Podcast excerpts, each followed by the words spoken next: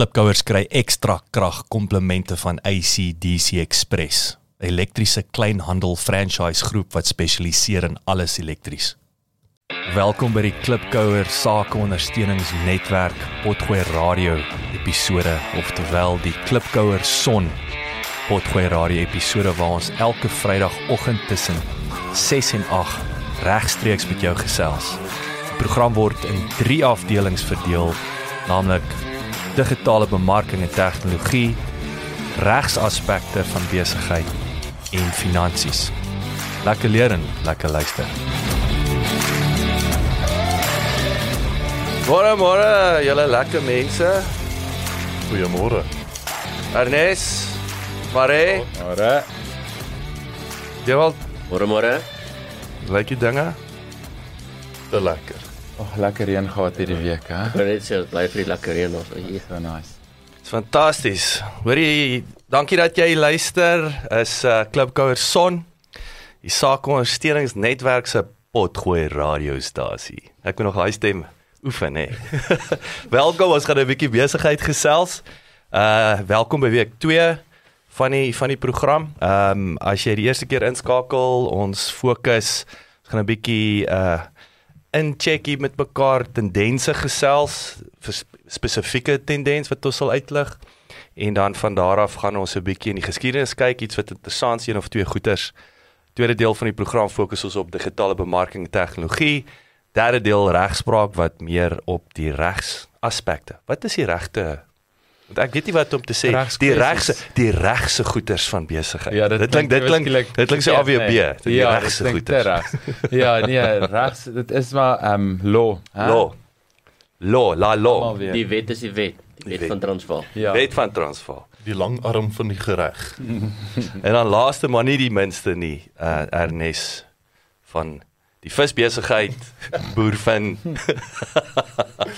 Nee, nee, se grap, so flou grappie. Maar ons gaan actually ons gaan praat oor visproteïene, nê. So ons gaan nou kom by tendense. Ons gaan Interessante ding wat daar so wat die uh, mag mens doekkoppe sê. Dit is dit jare biere, nê?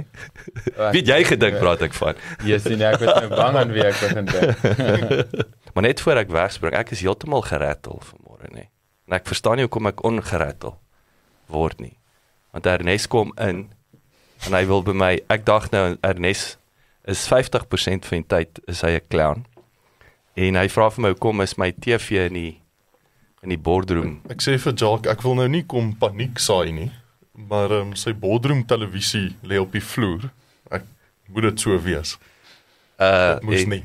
Dit moes nie so wees nie. En ons het toe ge, Maar ek sien hy's nou curved. hy skurf So afgery. en ek kan bevestig, 'n smart TV is hy's mag dalk slim wees, maar hy kan nie op nie. Hy's nie resilient nie. Hy's nie taaf veerkragtig. Hy is slim, maar hy is dom. Hy moes vasgehou het. En die oomblik toe ek en Dewald daar instap en ons sien Jacques se droepie gesig en hy sê hy wil vir ons wys wat gebeur het. Sien ek en Dewald dadelik dieselfde ding. O, die bols is te naby mekaar. ja, maar dit Dit het is al wat mense sien, is hierdie gate in die muur wat heeltemal te naby mekaar is vir daai en te klein vir die TV. En daai kan mense natuurlik, ons kan daai 'n bietjie uitpak op 'n stadium van van die klein proses wat die dit om daai klein skroef Jy weet en, en, en ek maar ek moet sê DIY ouens, goeie ouens is skaars nee. en ek dink ek kan nie eens onthou wie daai storm nou al 2 jaar gelede, maar wiewer daai Willie Wally was, ek sal hom graag. Ek is nou effens nervus want ons het die week by die kantoor 'n TV op die drywalling gehang. Ek dink vat jou, daai is 'n is 'n teken. Ja. Is 'n teken wat Wag nou net, hierso. gou-gou, Ek's nou terug, ek gaan gou iemand bel. Ja, dan ek kan 'n klein TV wees. Ek dink is relatief Ja. van die van die grootte van die van die TV. Maar eh, kom ons spring 'n bietjie weg. Ehm um, maar hey, ons het 'n paar inter interessante goed. Ons het daarom die datum reg hierdie keer. Dis is 28 Oktober. Het ons almal dit as die Ons het- 28. Ons het dit bevestig. Baie dankie. Yes, ek is uh, amper uit gewees laas, hè. In die in die in die geskiedenis, daar's 'n paar interessante goed. Kom ons uh, kom ons kyk 'n bietjie. Wel, die skrywer um, Ernest Hemingway het 'n Nobelprys gekry uh vir skryfwerk literatuur in 1954. Het een van julle al 'n Hemingway boek gelees? Nee. Ek is bly jy vra maar. Ja, Ja. is nou interessant want ons het daai ek het verlede week het ek 'n boek, ek twee van sy boeke onlangs geluister, The Old Man in the Sea en ek het 'n uh, 'n Mobile Feast is die uh, mees onlangste een wat ek geluister het. Ek's baie lief vir Audible obviously. So, Ek hou ook van ek, ek, ek audioboek. verkies ek lê in die bed mm. in die in die donker en luister. En ehm um, hy het geskryf van sy tyd se jong man. Uh, hy was in sy 20's, dit was in die 20er jare in Parys. En hoe daai dit wat wat interessant was was daai jaar in Parys was dit die goedkoopste stad om te gaan bly en eet en so nie net was dit hierdie creative hub nie, nê. Wat interessant want jy het van die beste skrywers in die wêreld, Scott Gerald wat Great Gatsby geskryf het, Gertrude Stein, Picasso was daar besig om sy tande te slyp. Maar ja, dis interessant hoe dit goedkoop was, bekostigbaar was en jy het hierdie ongelooflike stad en hub. Was nou interessant weer die die samekoms van hierdie mense saam, die sinergie en hoe dan daai uitskieters ook kom en ek wil amper al sê dis ons laks die mense met wie jy jouself omring. Weet as jy saam met al A-players is, ons altyd sê, dit dit dit maak dat jy ook next level gaan. Daai is dieselfde. Dis weet ek dink tipies nou Silicon Valley van 'n tegnologie perspektief. So as jy klomp creatives ook saambring, ek dink um, kan crazy ook wees natuurlik. Um, maar ja, daar daar's daar's definitief uh, goeie ouens wat uitkom en ek dink hulle jy inspireer mekaar. Ek dink daar's die daar's die ding jy weet as ek goed is, dis soos 'n A-span rugby ook of weet as jy eendag goed is, dit dit vat jou net next level. En dit trek waarskynlik die mark ook. Ek seker as iemand wou kuns koop en gaan jy sien toe en is vir hulle ook dan goed. Jy word beter en kans dat jy raak gesien word en gekoop word is ook beter. Dit is en dit is daai vir my weer daai wat jy omring en ek moet vir jou sê is daai vir my as ek dit so luister en en van die goed wat ek al ou flieks wat ek al gekyk het waar daai soos ek het ek sê ou flieks ek het so dink so 2 jaar terug 'n dokumentêr gekyk ehm um, van daar so vallei in in Los of in California en in daai stukkie vallei ek het nou die naam vergeet daar die Rolling Stones raak gebly. Ehm um, uh, uh Buffalo Springfield wat later Crosby, Still Nash and Young was. Uh, die Rolling Stones. Dis letterlik aan klop die ou in die deur. Ouens is besig om jam, hier's hier's Mick Jagger. Dan kom stap hulle in en hulle begin net jam. Jy weet in in kuier en braai. Maar in die proses slyp hierdie ouens mekaar. So mense kan nie natuurlik is dit is ons legendes vandag. Ek dink Bob Dylan het ook, nee, hy het ook 'n Nobel uh prys gewen vir dit nou musiek obviously, maar ek dink nie hy het opgedaag eers vir dit. Hy was nie oor sulke goed nie. Maar ja, dit is ek's jaloers amper en ek dink dit is 'n laaste ding wat ek daaroor sal sê is so Silicon Valley. Ek onthou ek was nog nooit in in in San Francisco nie, maar een van my pelle was daar betrokke by 'n start-up gewees en hy het, ek het altyd hom gevra wat wat het jy gevoel? Wat sien jy daar? Toe sê hy net vir my jy kan nie die die energie nie in die lug kan nie gebied word nie. Maar jy kan nie katte pys nie. Kan nie môre Silicon Valley eendag gaan plek. Ek weet Londen probeer dit doen met die Silicon Roundabout, nê. Wel, ons probeer dit ook doen met Silicon Cape, weet jy, onder by ons. Ja, exactly, maar jy kan nie jy kan daar's 'n sekere samekoms van omstandighede, besighede, universiteit natuurlik 'n feeder. Ek dink dis hoekom Stellenbosch en Swaan is goed geposisioneer. Dit is 'n klein radius. So die resep is daar, dink ek om dit te, te maak werk, maar jy kan nie kultuur forceer. forceer nie. Jy kan dit nie forceer nie. Het julle al daai Belvoir Rock City gesien, daai dokumentary oor hoeveel Suid-Afrikaanse bands kom uit Belwel uit? Voorstad in die Kaap. Wat uh, ek gaan net sommer so vinnig lees en julle sal hierdie name herken. Volk of Polisiekar Springbok Nude Girls foto na dans Aiking Jack Spanic Kobus van Coke Cartel New Holland Ashtray Electric Thief Lekra Gitaar ehm um, Titan en Jewels fantasties. Almal van Belwel. Pragtig. En dan is Jack net oor kan die pad van Parow af. O ja, net daar So- so- so- Hy het hulle En hy het, ek dink hy actually hy kom van Durbanville af, maar nie te min hy Ja. Jack Parow. Maar dit dit is baie interessant. Ander kan die treinspoor, maar nou moet ek vir jou sê, interessant genoeg. Ehm um, jy moet bietjie kyk hoeveel kunstenaars kom met die moot uit. Ek kyk nou selfs soos van Pletsen en daai ouens, daar's klomp ouens. As ek dink selfs wie's die rockstar legend wat uit die uit Pretoria uitkom of waar bo uitkom is ou Botha. Wat sy naam? Daar nie. Ja man. ek weet dis 'n kerk rockstar. Ek ek wil onthou van die ateïstiese rockstar. uh wat was ou Pik Botha se seun man? Hammer. Jack Hammer. Jack Ja, ja. Hammer kom kom uit daai wêreld. So dis interessant dit daar- daar's iets in die DNA. Maar ehm um, Wel, maar ek ja, het gesê daar's iets in die Pretoria water. daar is daar's iets in daai Wel, maar wat dis daai rivier waar daar is. Ander ek meen dis soos daai outliers ding. Dit is 'n 100 faktore wat die grootste boom in die woud die grootste boom in die woud maak. Dis die regte tipe boom wat kan groot word. Hy's nie doodgemaak en doodgedruk toe hy klein was nie. Het 'n paar jaar great weer gehad dat jy groot genoeg was om die storms te deurstaan en nou word jy die grootste boom. En ek meen byvoorbeeld jy kan as jy in 'n band is en jy kort 'n ander drummer en die ou bly 'n blok van jou af, het jy 'n oplossing versus o, okay, ons moet na 'n ander dorp toe ry om te gaan oefen, gaan nie gebeur nie. Ons is meer ouens by mekaar, ons kan 'n geek by mekaar sit wat mense gaan aantrek.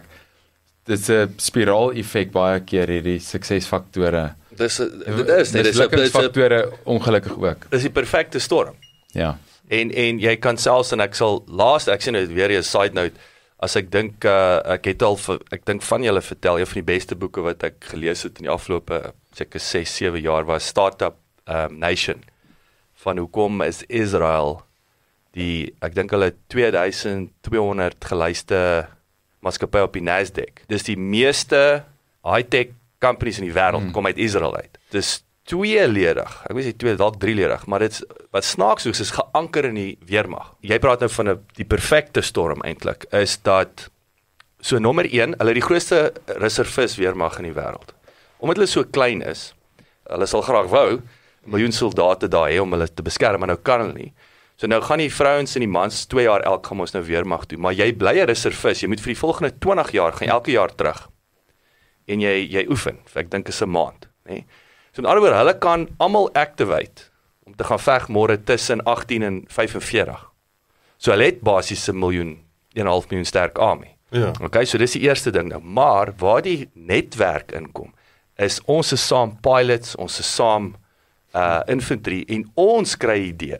Ons kry 'n start-up idee en dan waar jy gaan ons? Ons gaan na een van die die ou koshuismanne, die ou divisie manne. Ja, kolonel so en so, hy's ook 'n pilot. Ons gaan sit by hom. So al daai start-ups word ge, gebore uit netwerk wat dieselfde divisie is, die alumni wat vorige uh, ouens in daai divisie en jy die perfekte samekoms en natuurlik universiteite. Jy weet, hulle is verskriklik en hier was die fascinerendste ding van die boek. Israel, behalwe dat die Israelië is baie uh, stryerig. Hulle maak die wêreld lam. Hulle is stryerig. Hulle is passievol. Maar nommer 1, daar's geen verskillende agendas nie. Jy weet presies waar jy met die ouens staan, nê? Nee. Maar baie belangrik is dat hulle is 'n badge of honor as jou besigheid flop. Inteendeel, As jy besigheid, flop. Failure is nie word nie gesien as failure. as mislukking. Dit dis onthou, kyk hoe werk ons Afrikaners byvoorbeeld. Wel, jy het nou al twee besighede gevou. Eers jy weet niks van besigheid af nie. Nee, dis omdat ek twee besighede gevou het, weet ek 'n bietjie meer as die gemiddelde ou. Jy verstaan, so ons wil onmiddellik failure van business is gelyk aan jy weet nie wat jy doen nie versus jy's slimmer of jy jy weet nou wat om nie te doen nie. En dit word in Israel geselebreit. So niemand knip 'n oog as jy drie besighede gevou het nie. Inteendeel, 'n badge of honor. Ja, en dit eh, wat ons nou nog 'n bietjie gesels het Ernest, is my nogal treffend dat dit gaan ook oor dit wys jy die waagmoed om dit te doen, om te probeer, om nie net uh duisend goeie idees te hê nie, maar twee probeer sla. Dit, dit, dit gaan nou nie oor Israel noodwendig nie, maar hulle is bereid om die sneller te trek op 'n op op 'n idee. Altyd in defense. Wel uh, ja, ek wil sê hulle hulle trek hy sneller across the board. Ja, ek dink ook dit noodsaak daai daai groei en daai innovering want hulle is letterlik omring deur vyande wat missiele na hulle toe rig. Hulle sit hier so ek kan nie ergens anders heen gaan nie. Dit gaan oor die land wat vir hulle alles is en Jerusalem en so. En elke nou en dan is daar 'n barrage van uh, een of ander aanval en die ene wat jy aanval uh, werk vir die ander ou. So as die as dit nie van die kant af kom nie, dan weet jy die ander een is besig om te beplan. So ek kan dink hulle daai groepies wat so bymekaar kom en groeperinge en die netwerk aktiwiteite daarvan is baie unieke aard. Dis nie net gooi klomp mense bymekaar en laat hulle tyd spandeer nie. Dis soos weer ons moet lewe en dood. Die toekoms is in ons hande. Ons moet planne maak. Dit gaan gebeur. Dis nie 'n kwessie van enigiets anders as tyd nie. En hoe langer dit vat, hoe erger word dit. En ons moet seker maak dat ons plan is regtig foolproof en dit gaan getoets word baie sterker as 'n besigheidsidee. Yes. So ehm um, en ek dink ook dan in daai gedissiplineerde omgewing wat die ouens mekaar ehm um, dis soos 'n team building, maar met 'n doel, nie Hmm. net hoëhou bane nie. Maar maar dink jy dan nie dis soos risk management management as jy die hele tyd moet uh, beplan vir die mesiel wat kom, moet jy die hele tyd 10 stappe vooruit dink in jou besigheid ook. Ja. Maar saam met daai en ek dink uh, Rolof Strolier het daai tyd met Kamp Staldraad probeer force om saam in die trenches te wees, om saam te beklei en nou aan te sluit met Mares en wat jy sê, risk management of net jy gaan nou dalk doodgaan. En uit daai verhouding word besighede begin. Mm. So dit is dit jy kan weer eens dit nie kopie unless jy wil gaan veg daar. Jy gaan nie kan kopie nie en dieselfde ding en ek wil sê die enigste positiewe ding vir my het oorlog uit is innovasie en tegnologie. Dis al wat positief is. En nie bietjie innovering. Nie bietjie nie. En- en- en- en- ons innovering kom uit Ons oorlog kom uit ons bosoorlog. uit. ek as ek dit sê. Dit is ons grootste innovering is in Suid-Afrika kom uit 'n bosoorlog uit. En ek dink dis hoekom wat Israel op die voorvoet hou is ter wille van oorlewing. Mm. Nie die nie die mighty dollar maar, nie. maar dis hoekom hulle ook as jy as jy kyk na die kouer lande, die noorde, dis hoekom hulle meer innoverend is want dit gaan lewe of dood. Ja. Waar die ou in die tropiese plek, weet jy het vrugte en alles rondom jou. Ja. Jy kan 'n bam wees en jy kan oorleef. Dis 'n kwessie van gerief. Jy gaan Ja. bietjie verder moet stap volgende keer en bietjie hongerder wees as jy eet. Nee, jy gaan nie jy en jou gesin gaan nie doodgaan omdat jy nie beplan het. Ja, maar die innovasie gebeur wanneer jy moet oorlewing en ek dink dis Ja. dieselfde daai met Mm. militêr, weet dis oorlewing aktiveer ander goeters in jou brein wat jy Dit word met realiteite getoets. Dis nie net 'n sê nou maar vergelyk dit met 'n gesprek in die parlement. Classic.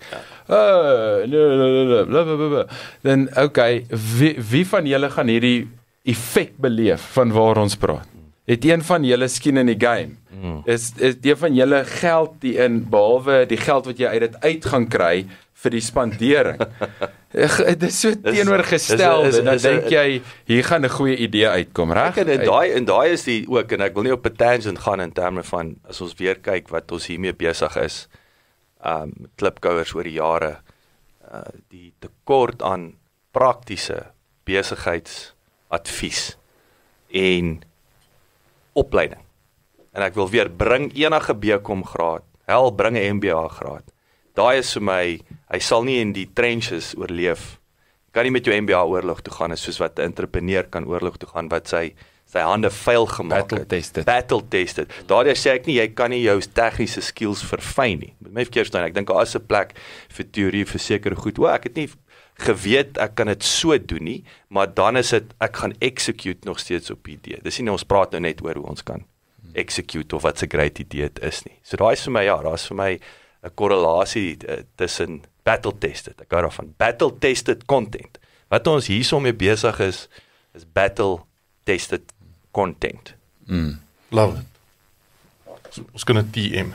En 'n mooi Afrikaanse woord, slaggereed. Hæ? Slaggereed. Dit is dan dit sê dan vir jou eintlik 'n ding, né?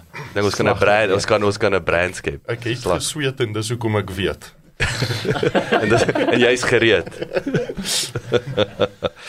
Maar nee, ek het nou ek wou nou nog iets van Ernest Hemingway gesê het, maar ek dink dit was nou 'n lekker maar ek dink weer ek wil beklemtoon dat die hele idee ek ons gesê ons gaan tendense praat. Daar's nie nou tyd vir tendense Ja, nie. wat So ons 'n goeie ons ek sien die ding ja, ons sal um, alhoewel vinnige ding van die tendense, ek sien die ek spot oor die doekkoppe. Hulle gaan hulle metaangas gebruik om proteïene te maak. So dit is wat die nuwe uitvindsel daarso en wat interessant is, die dinge lyk my 10% water, 70% proteïene en hulle hoef nie landbougrond te gebruik nie. So dit is nogal ek dink 'n ding wat ons dalk eh, weet volgende week kan 'n 'n bietjie Dit klink vir my soos 'n baie flou verskoning om in die vertrek te poep.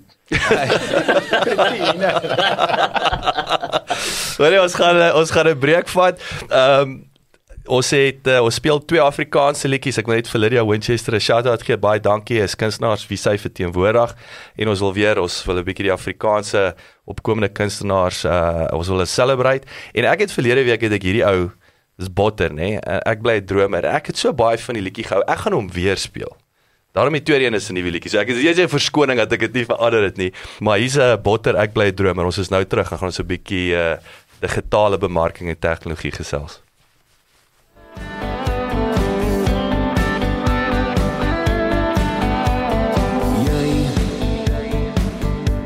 Ja, jij is mijn koop, en jij is mijn lieve.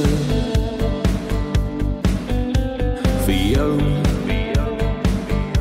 zal ik alles geven, meer als mij als met je dio.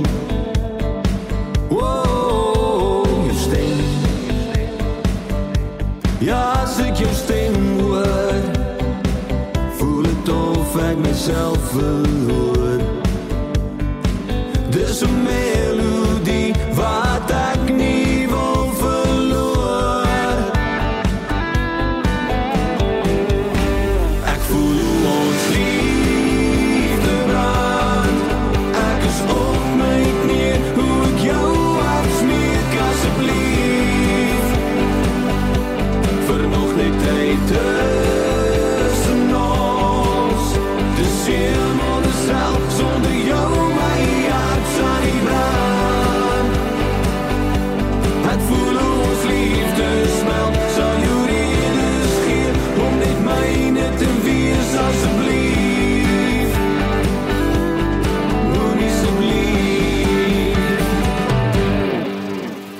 Miskien as jy dit 'n kans gee, sal jy in jou hart weet. Verstaan jy hoekom en waarom vir ewig en altyd.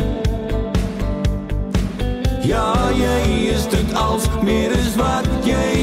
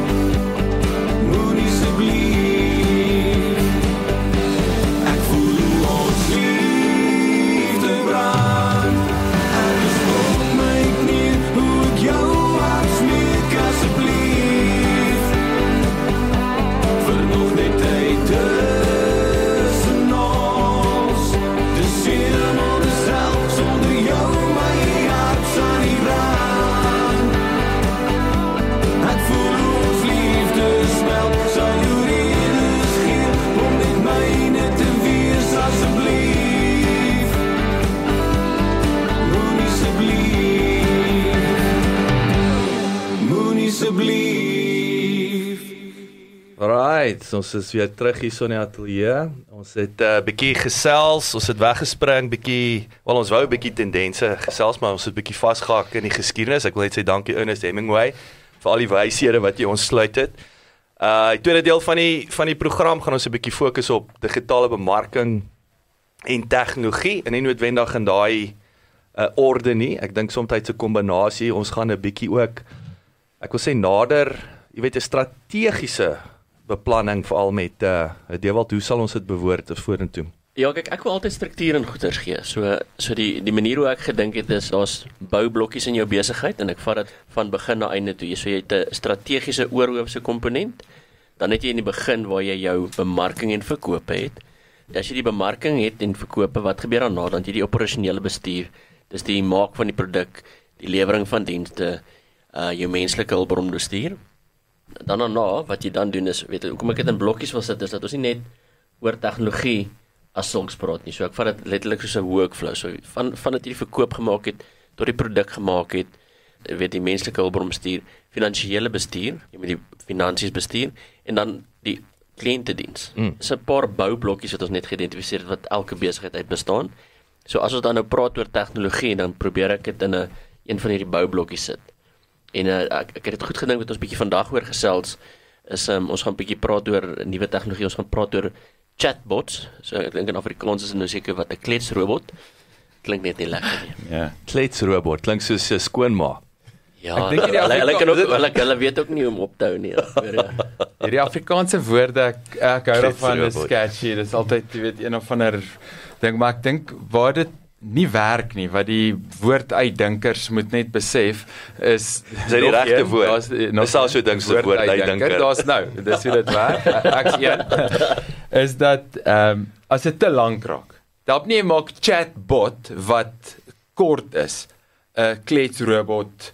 Jy weet of dit dit moet dan ook 'n kletsbot wees, so iets. Jy weet dit Ek dink die unieke moeilikheid met daai is is gebruik vir Afrikaans om soos die tegnologie daar buite kom meestal van Amerika en so af. So Ah. en Jacques het beleef met sy website creations en gesê weet as jy iets wil gebruik wat standaard is daar buite om dit te vir Afrikaans is verskriklik moeilik. Mm. En en ek dink dit is is dit dit ons altyd sê is weet die taal maar van besigheid is Engels. ja. En, en ek dink meeste Afrikaanse mense verstaan Engels goed genoeg dat ons kan besigheid doen in Engels al is ek Afrikaans. Ons kan Afrikaans gesels, maar ons hoef nie ek sê altyd ons kan mengels gesels. Veral as dit by tegnologie kom.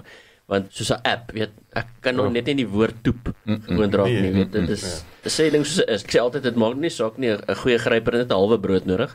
Maar maar kom ons kom ons gebruik maar die tegnologie terme dit dit dit, dit, dit gesels net makliker as om dit te forceer. Ek dink vir partykeer vir dit vir my forceer as jy nou sê ek maar ons wil nou Afrikaans praat en soos ek kan sê 'n kletsrobot klink net nie lekker nie. Ah, Net net om die ou tannie wat uh, taalpurist is, die drie van hulle snedige komment te, te vermy net voor jy hulle ban en delete. Ons, maar nou gaan ons ons gaan 'n bietjie op kliënte diens fokus soos gesê het in die op chatbots. Ja, so kom ons kyk nou net gou waar pas 'n chatbot in. Of of kom ons gaan 'n stapie terug kom ons verduidelik mense wat is 'n chatbot. Maar kom ons kom ek wil een tree terug gaan. Ek gaan 'n spanner in die wiel gooi. Nee, ons gaan nou tegnologie, maar ek wil begin met definisie van kliëntediens. En want daai is vir my interessant. Ons ons gaan nou tegnologie praat, maar ek, ek het gesit en dink aan hierdie tema aan die tegnologie. Toe besef ek maar dis deel van die probleem. Ouens wil 'n chatbot gooi. Die vraag is het jou kliënte gevra vir 'n chatbot? Mm. En jy weet so met ander woorde jy ontwrig my so in my kom ons vat nou die banke. Ek het 'n voorbeeld wat ons onlangs maar het te dank aan jou pa het ek 'n bietjie met die gryskrag gryskrag is 'n uh, organisasie. Hulle is gefokus op die baby boomers. Van julle ouens sal weet van hulle hulle hulle publikasies. Kyk hulle het uh, hulle in jou stap op kyk net. Ek hoop nie jy kyk daai program nie want dan is jy oud. Grappie. Ek dink hulle begin hulle teikenmarkie plus 50 tydskrif pla my bietjie. Wat bedoel jy met plus 50 Ja. beteken jy op 51 ek word oor dieselfde kam geskeer is is oom Jan op 97 jy weet daai. Maar plus 50 is is die tydskrif. So dis die vehikel wat hulle gebruik en een van die goed wat ek ek het 'n artikel op 'n stadium wat ek geskryf het daar en wat vir my 'n probleem is is hoe hulle vir die sê luister man vra jou kleinkind om jou met te help om die om die toep om die app te werk en ek sê nee jy sit met die baby boomers is 'n is 'n baie hoë hulle sê is die laaste en dit gaan die grootste en die laaste transfer of wealth wees in die wêreld. Né? Nee? Dis die grootste, dis die rykste generasie is die baby boomers. Dink ek het laas ek julle vinnig kan herinner van die stats. In Engeland is 75% en is dieselfde soortgelyk in in Amerika, give or take 2 or 3% en baie dieselfde in Suid-Afrika. 75% van die disposable income sit in die baby boomers. 20% in Engeland, 20% van daai baby boomers, van die 75% is pond miljonêers. En wil julle raai wat is die, as julle reg kan onthou of dalk wat is die gemiddelde bemarkings spend op daai? Met ander woorde die geld van bemarking wat gefokus is op daai kan julle julle raai. Lagwekkend. 5 5%. So ek sê Almal weet die die kinders spandeer die geld. ja, maar dit maar dit is maar dis interessant, nee, dis 'n storie vir En dis 'n ander- mite, Dit is 'n mite, maar dis 'n storie ook vir vir ander dag is hoe bedien jy daai groep mense? En hier is my punt van my storie, wil ek terugkom na kliëntediens toe. Is ja, ek verstaan jy soek nie ouens call centers, daar's meer goed wat verkeerd gaan. Ek is ek's by FNB. Apps alright, ek kan daarmee 'n secure chat hê met 'n persoon. Let wel, ek kan met 'n persoon kommunikeer, nie druk een en dan jy weet uh, DStv staal. Maar as jou kliënte mark hierdie room van die oes vra, ek weet nie om die bloody ding raak te druk nie. Al kan ek hom kry. Druk my dikvinger die app mis. Ek wil met iemand praat. Nie gesien moet vir almal dan die call center oopmaak nie, maar surely van 'n kliëntediens bemarking en 'n verkoopstrategie maak jy skep jy hierdie unieke produk en sê ons baby boomers kan inbel. Mm. En dis jou competitive advantage. Kos jou nie geld nie, jy gaan daai geld aantrek. So ek wil daai in die mix gooi. Kan ons daarby stil staan? Wat is kliëntediens? Hoe definieer ons dit en, en en hoe sit jy die pot mis? En dan wil ek sê onthou daai is tegnologie wat wat veronderstel is om te komplementeer. En ek dink daar's die daar's die punt wat jy maak, Jacques is tegnologie moet komplementeer, nie wegvat nie. Ek ek dink wat baie keer gebeur in organisasies, ons sien uh mense wil automation doen, hulle wil allerlei tegnologie gebruik om van mense weg te neem. En en waar dit verkeerd gaan eintlik is om te sê maar hoe implementeer ek hierdie tegnologie om my besigheid nog beter te maak? En dis wat ek wil sê is met die die implementering van 'n chatbot is om te sê is nie dat ek die call center wegvat nie. Maar as jy 'n tipiese ding 'n call center waar jy 10 mense het wat inbel, hulle kan net 10 mense per keer doen. Maar daar is sekere goeders wat algemene vrae is, weet wat is my balans? Weet, ek dink in, in die telekommunikasie industrie het dit baie goed reg gekry wat jy kan 'n kode stuur vir USSD, wat is my balans? Hoekom het ek nie data nie? Weet, simpel vragies. Wanneer jy iets regtig wil weet en jy wil met iemand praat, moet daai opsie ook al wees. So so ek dink dit is hoe dit alles inpas. Jy kan nie sê hier's 'n nuwe tegnologie wat kom ons vervang nou alles. Ons maak ons call center toe en chatbots is all the way. Nee, dit is net nog 'n ding addisioneel en en en dit moet maak dat jou kliëntediens beter is sodat ek kan sekere vrae vra vir die bot wat my kan antwoorde gee en as hy my nie kan antwoorde gee nie, kan ek dan met die call center agent praat. Mm -hmm. Mens nou met die journey. As die journey reg gedefinieer is van waarmee die mense die meeste kere moeilikheid en hoe kan ek hom help met tegnologie? Dan gebeur dit sodat ek kom en ek chat met die chatbot en ek kry antwoord. Dan sê ek okay, ek wil nie ek hoef nie met 'n call center agent te praat as ek die antwoord kan kry met 'n uh, met 'n chat meganisme nie. Daai is so so kom ons staan stil ook. Ek wil praat, hoe hoe weet jy dink nou aan julle besighede. Hoe bepaal julle? Ek wil is dit hy is jy happy?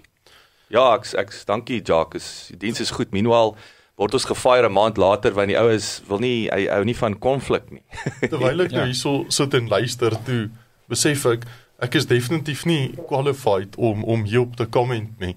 Ek het nou hier gesit en en die goud wat julle twee nou gesels het probeer uitkry sodat ek kan teruggaan na my be eie besigheid toe en van hierdie goedes actually kan gaan implementeer sodat ek beter diens vir my kliënte kan kan gee want op hierdie stadium is dit nie uh iets wat wat kliphard aan gedink is nie. En ek het net gedink dit is iets wat ek moet doen is om te gaan uitvind wat is dit wat hulle wil hê? Op watter manier sal dit vir hulle die maklikste wees? En weer eens as ek kan teruggaan na my storie laasweek ek moenie vir hulle gaan vra wat is dit wat julle wil hê nie? Ek moet met 'n paar pasta souse gaan. Mm. en ek moet sê ek het hierdie 6 of 7 opsies Kom wat proe. se kom jy proe bietjie aan hulle en en wat se een gaan vir jou die beste kliëntediens kan gee wat wat verkies jy Ons het ek en ek wil daai daai se fantastiese voorbeeld en ek sit hierso want ek het letterlik verlede Vrydag het dit het dit my oorgekom waar ek verneem het 'n kliënt en is nie eers die kliënt nie dis sy 2IC wat moeilikheid maak wat skielik ongelukkig is met met ons ontwerpe nou dis in, dis die eerste woord wat ek daarvan hoor die kliënt hy sê vir my luister ek is tevrede maar die die persoon is baie belangrik vat baie druk vir my af en ek het nie lus om met daar te fight nie. So sort hierdie uit. Dit was oor 'n paar brandewyne en dan kom dit per ongeluk uit. So ons was letterlik, ek kan sien ons was op pad hierso om gefire te word oor die nie die kliënt wat die besluit neem, die eienaar nie. Sy steenpilaar wat 'n persoonlike persepsie, grudge, whatever jy dit wil noem het, maar ons weet nie daarvan nie. Mm. So is daar nie dalk 'n bietjie selfs van dit 'n geheim in dat wanneer jy nou praat van hierdie customer journey, die verhaal van die kliënt en al sy stories met die interaksies met die besigheid, is daar uh, is die regte vraag, hoe voel die kliënt? Wat is die kliënt se regte behoeftes op hierdie stadium van hierdie journey? En dalk aan die begin is dit hoorie wag, ek wil net met iemand praat want ek ek weet nie wat presies ek soek nie. Ek wil graag net sekerheid hê. Jy weet, so sê net maar as ek dit so kan stel, daar's 'n chatbot oulik, maar sit 'n knoppie by. Ek wil liewers met 'n mens praat standaard. Moenie my in 'n doolhof indruk en eventually verstaan hierdie ding nie waaroor ek praat nie en so. Maar dan aan die ander kant dalk is daar tye wat ek juis met 'n bot wil praat. Ek wil bietjie feedback gee. Ek wil bietjie sê hier's iets wat ek wil voorstel. Hier's waarom ek nie so gelukkig is nie. Ek sal dit baie waardeer as jy hiervan kan kennis neem, maar eh, ek wil nie eintlik dit nou vir 'n persoon sê nie. Eh, Maar dis waar dit by inkom maar is. Ek dink ehm um, hulle noem dit omni-channel. Jy het verskillende kanale van kommunikasie en jy moet daai kanale kan almal saamvang. So ek meen chatbots nou net een en, en ons gaan nou praat oor die verskillende chatbots ook. Ek weet uh, gewoonlik as mense dink aan 'n chatbot dan dink hulle die ding wat op jou webwerf is en op, op en dit is nie daar's daar's soveel meer chatbots en ons gaan dit nou 'n bietjie aan um ontpak of uitpak.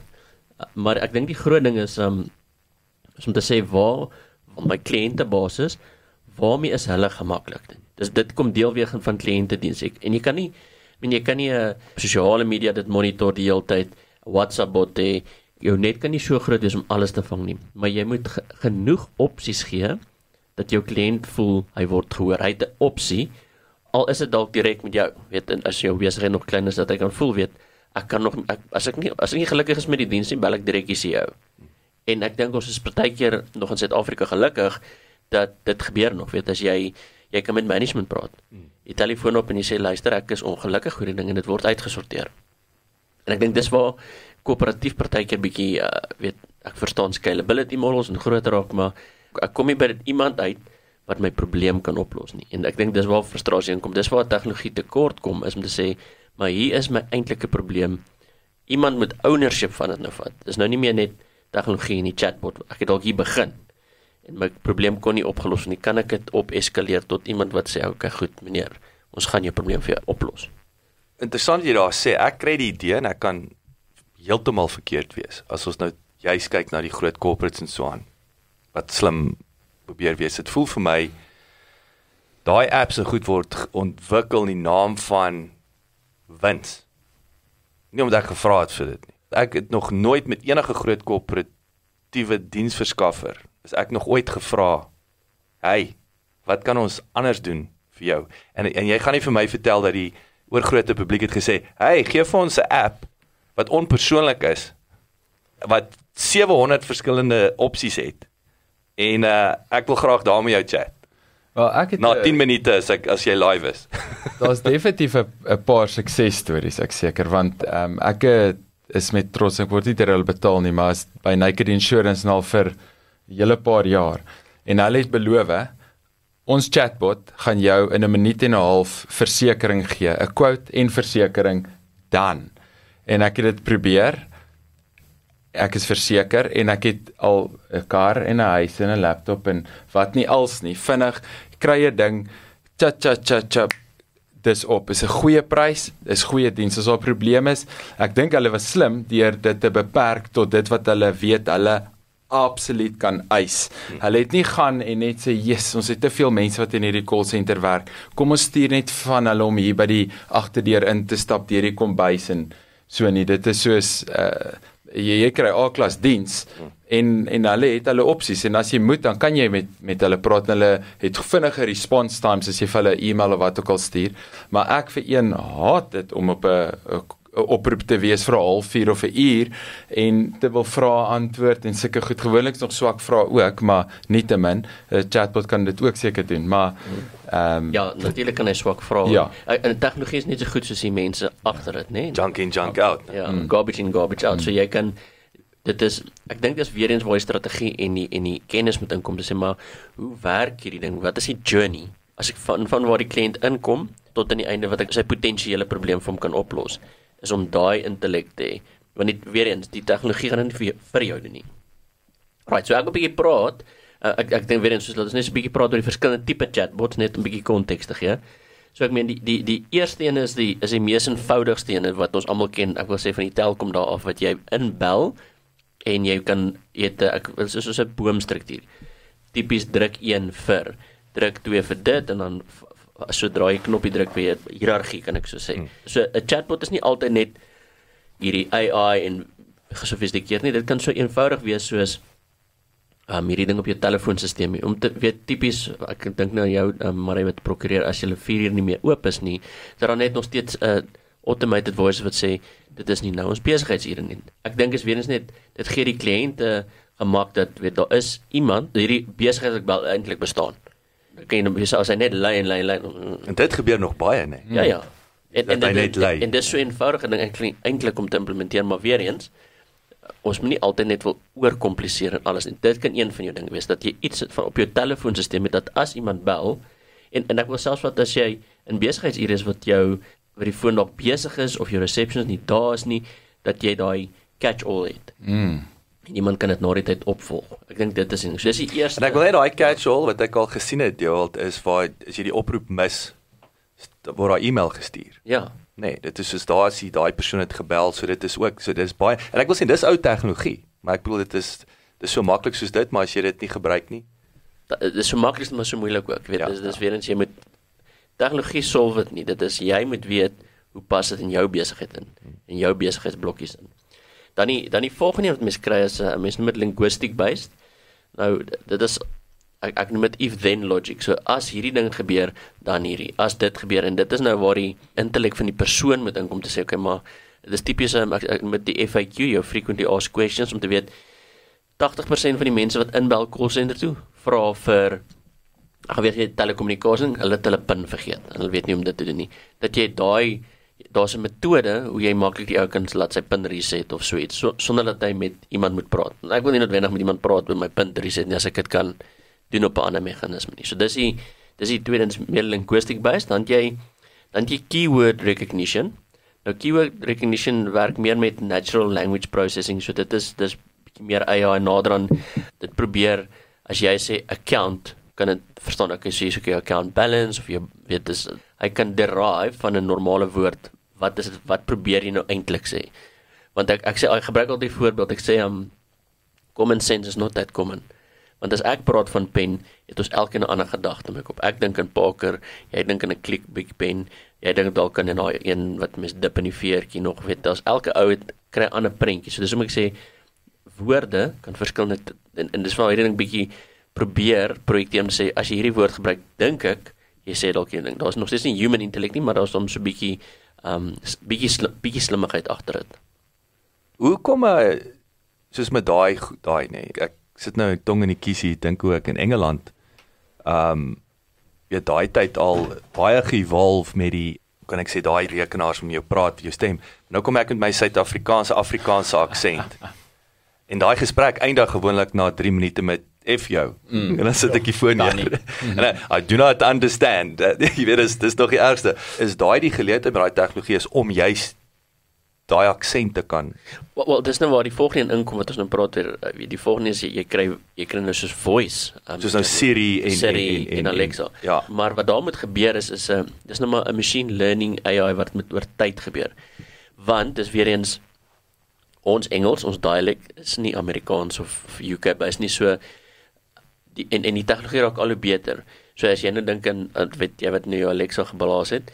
Alexa aan die begin Dis vir is Alexa. moeilik, verstaan? Maar maar wat ek dink wat dit so amazing maak is die tegnologie leer by jou en naderhand verstaan. Weet dit is soos verhouding, maar met met 'n bot. En en daai jy, jy, jy herinner my nou ook die Alexa app. Sy waar sy goed verkeerd gekry het. Ek kon in die app ingaan en vir haar sê jy het verkeerd gehoor. Soos 'n ja, jy het reg gehoor. Nee, jy het nie. So jy het ook 'n input wat jy Okay, jy hoef nou nie. Ja, Maar ek kon ek dit was vir my lekker om in te gaan sê nee, ek dis nie dis nie wat ek gesê het nie. Maar maar, maar dit maak dan nou die tegnologie beter vir jou. Hmm. Want so en, en ek dink dis waar die geleentheid is met die machine learning is dat die masjien by homself kan nie leer nie. Maar deur die interaksie met die mens raak die masjien slimmer. En dis waar die machine learning ding inkom. Ek dink in Suid-Afrika het ons 'n bietjie 'n unieke probleem wat dit aanbetref dat ons 11 verskillende tale het, so so 11 verskillende Engelse aksente. Uh en dit kan seker 'n bietjie complicated raak met die tegnologie saam.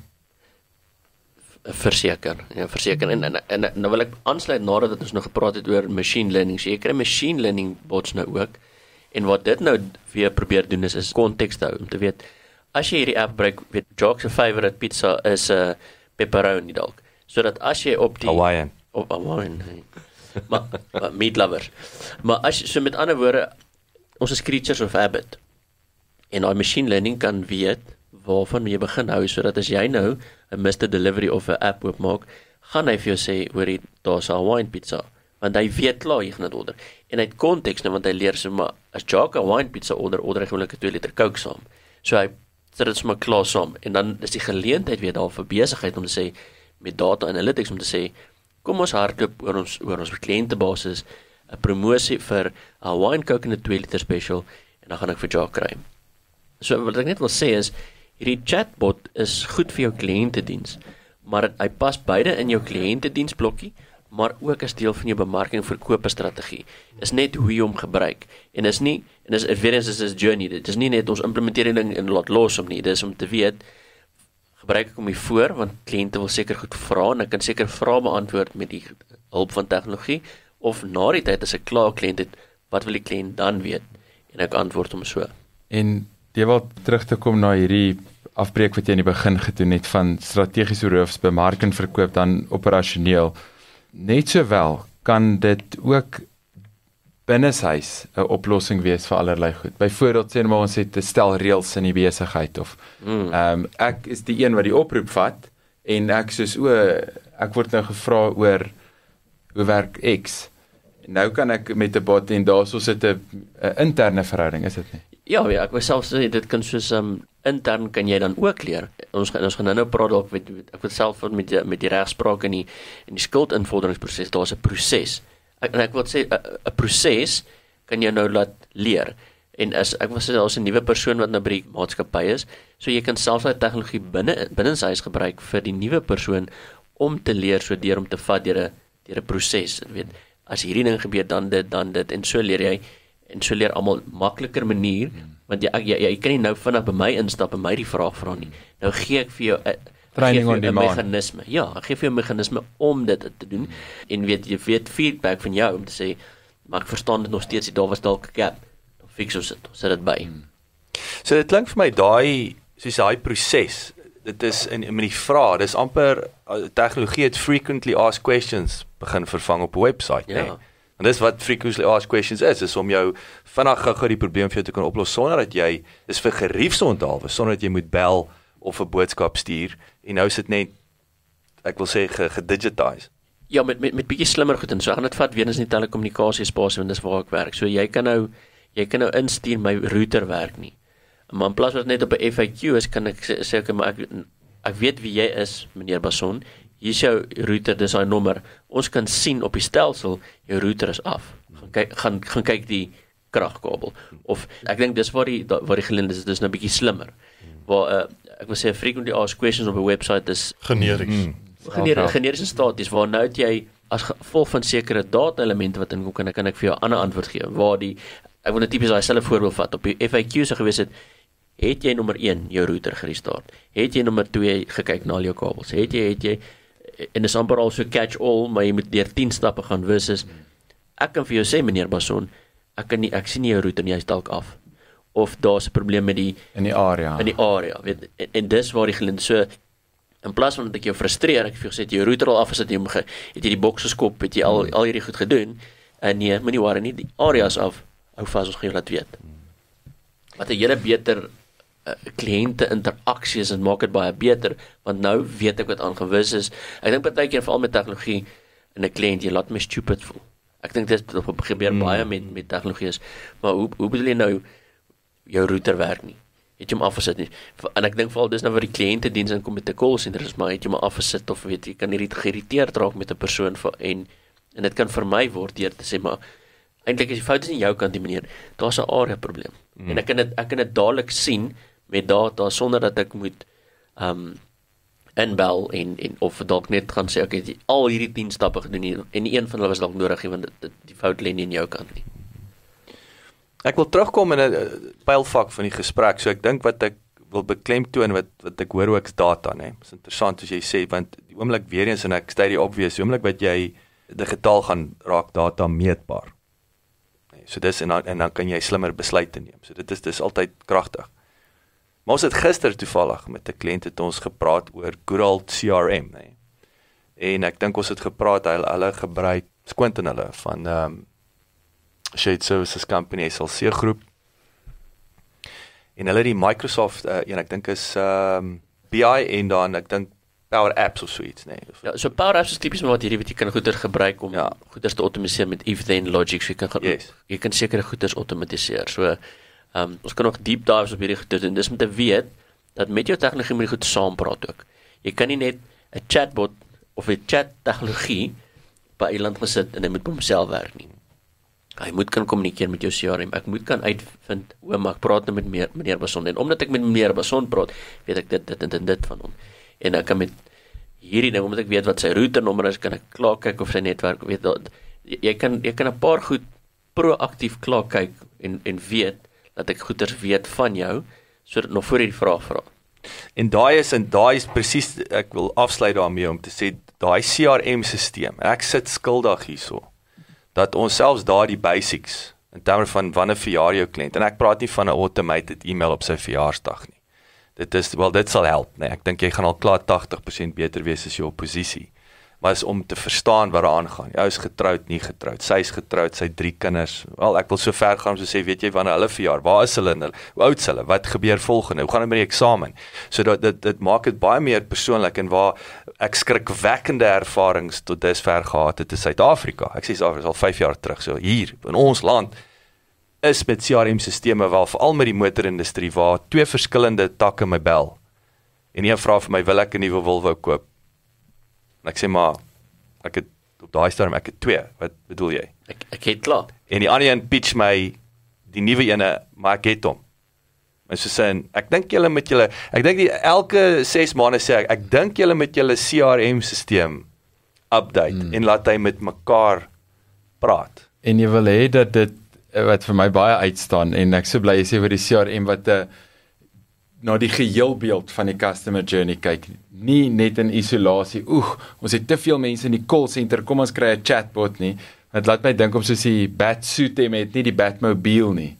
Dis baie cool maar. Jy kan harde hardloop kom daar in Gotham moeg.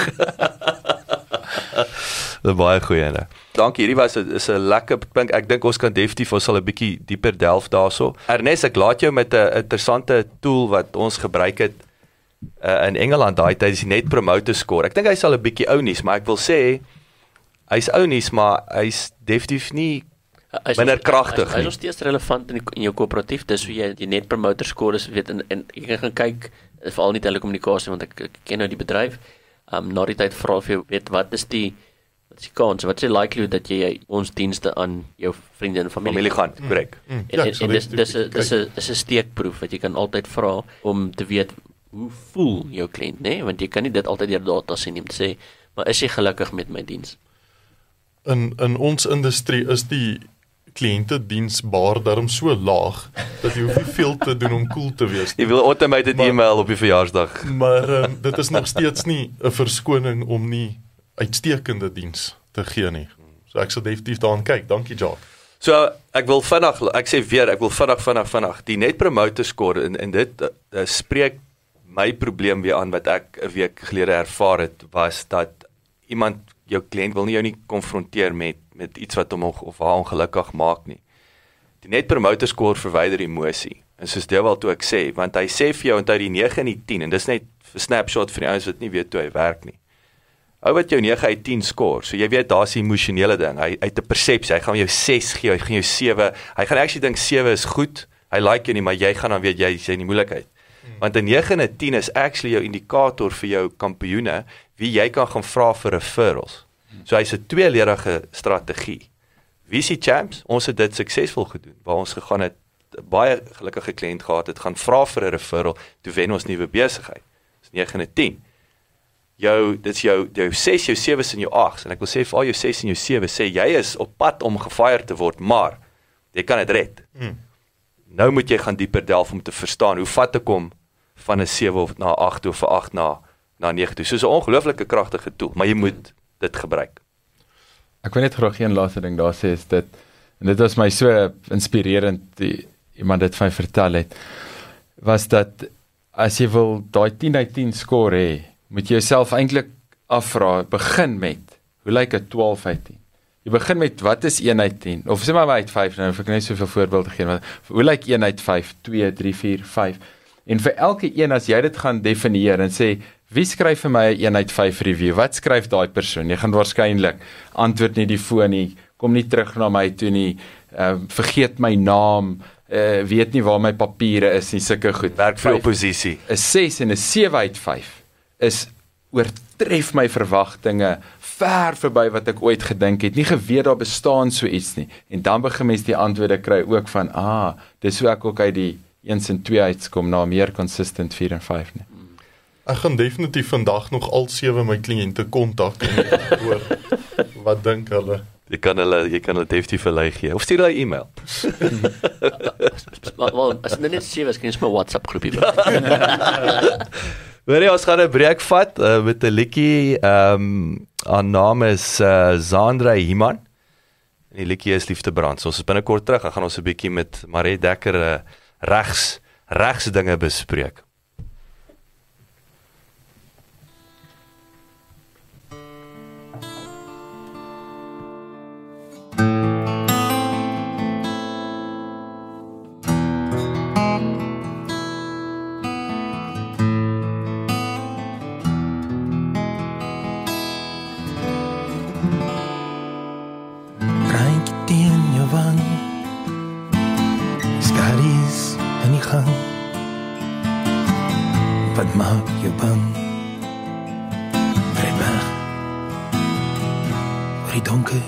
Jou kom vang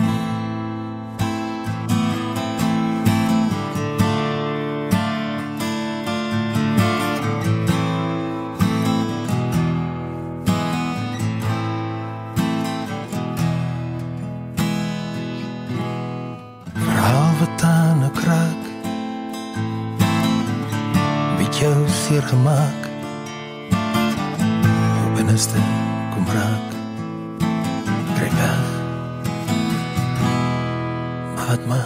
maak dit saak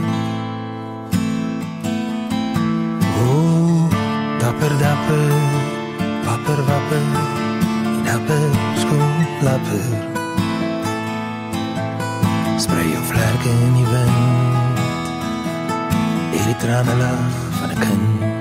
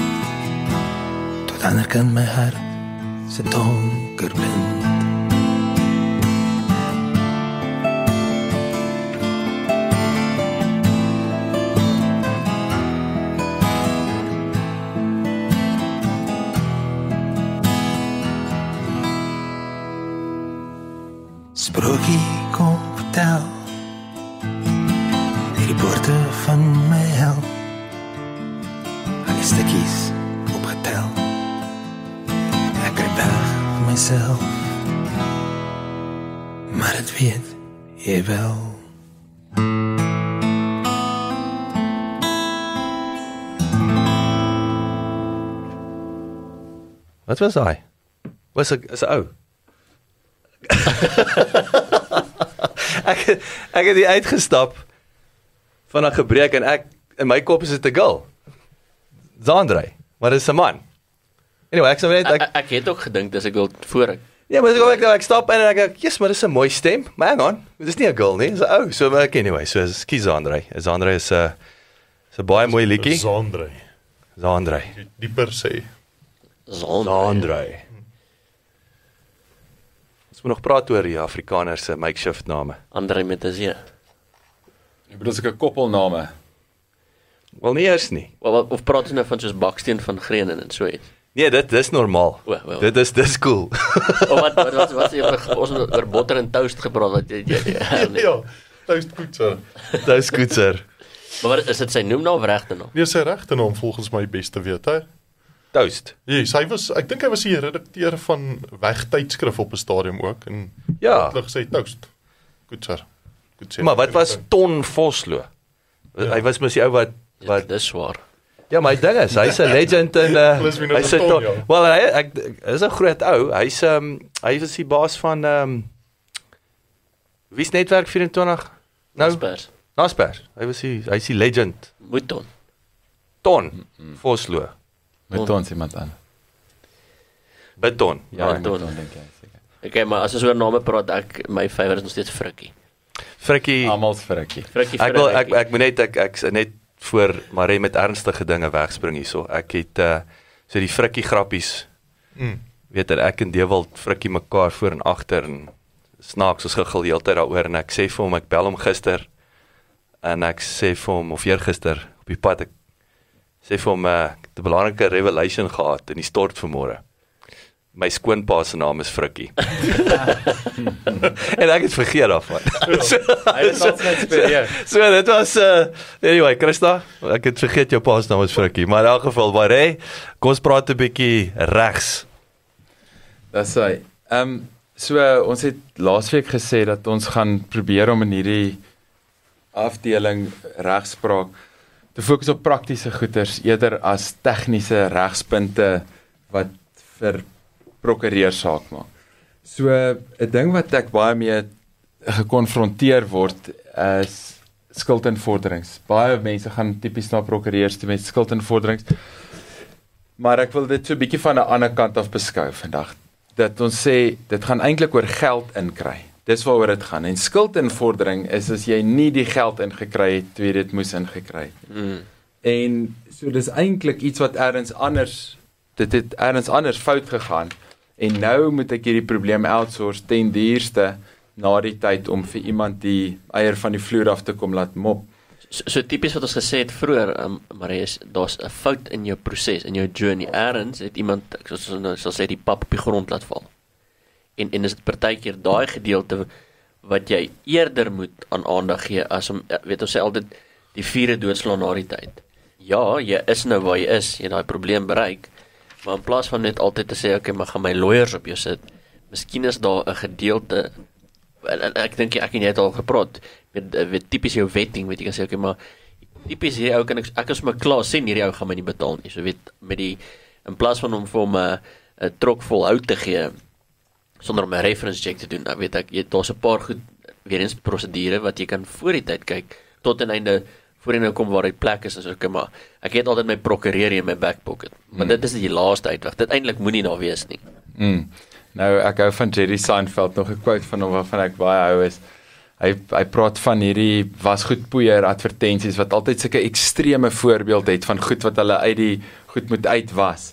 En dan is hier nou 'n ou wat 'n ehm um, gebloei het op 'n hemp, jy weet, en nou wys hulle hoe was hulle hierdie uit uh uit hierdie hemp uit. Dan sê hy if you've got bloodstains all over your shirt, maybe laundry is not your biggest problem right now. en dis baie keer so presies met skuldinvorderings. En veral as ons kyk na die kleiner sake ondernemings versus die grootes, dan sien jy wel die groot besigheid weer eens het die geld om beleidsdokumente en allerlei uh, ondersteuningsdienste en chatbots en goed wat jy outomaties waarsku wanneer als gebeur en ons double check als voor ons dit doen. Hulle uh, doen dit. Vir die kleiner besigheid is dit baie keer dat ons laasweek gesê dis 'n handdruk, dit is 'n oogwink, dit is 'n 'n e-mail en dinge moet gebeur. Daar's nie tyd vir te veel papierwerk en allerlei tegniese formaliteite nie.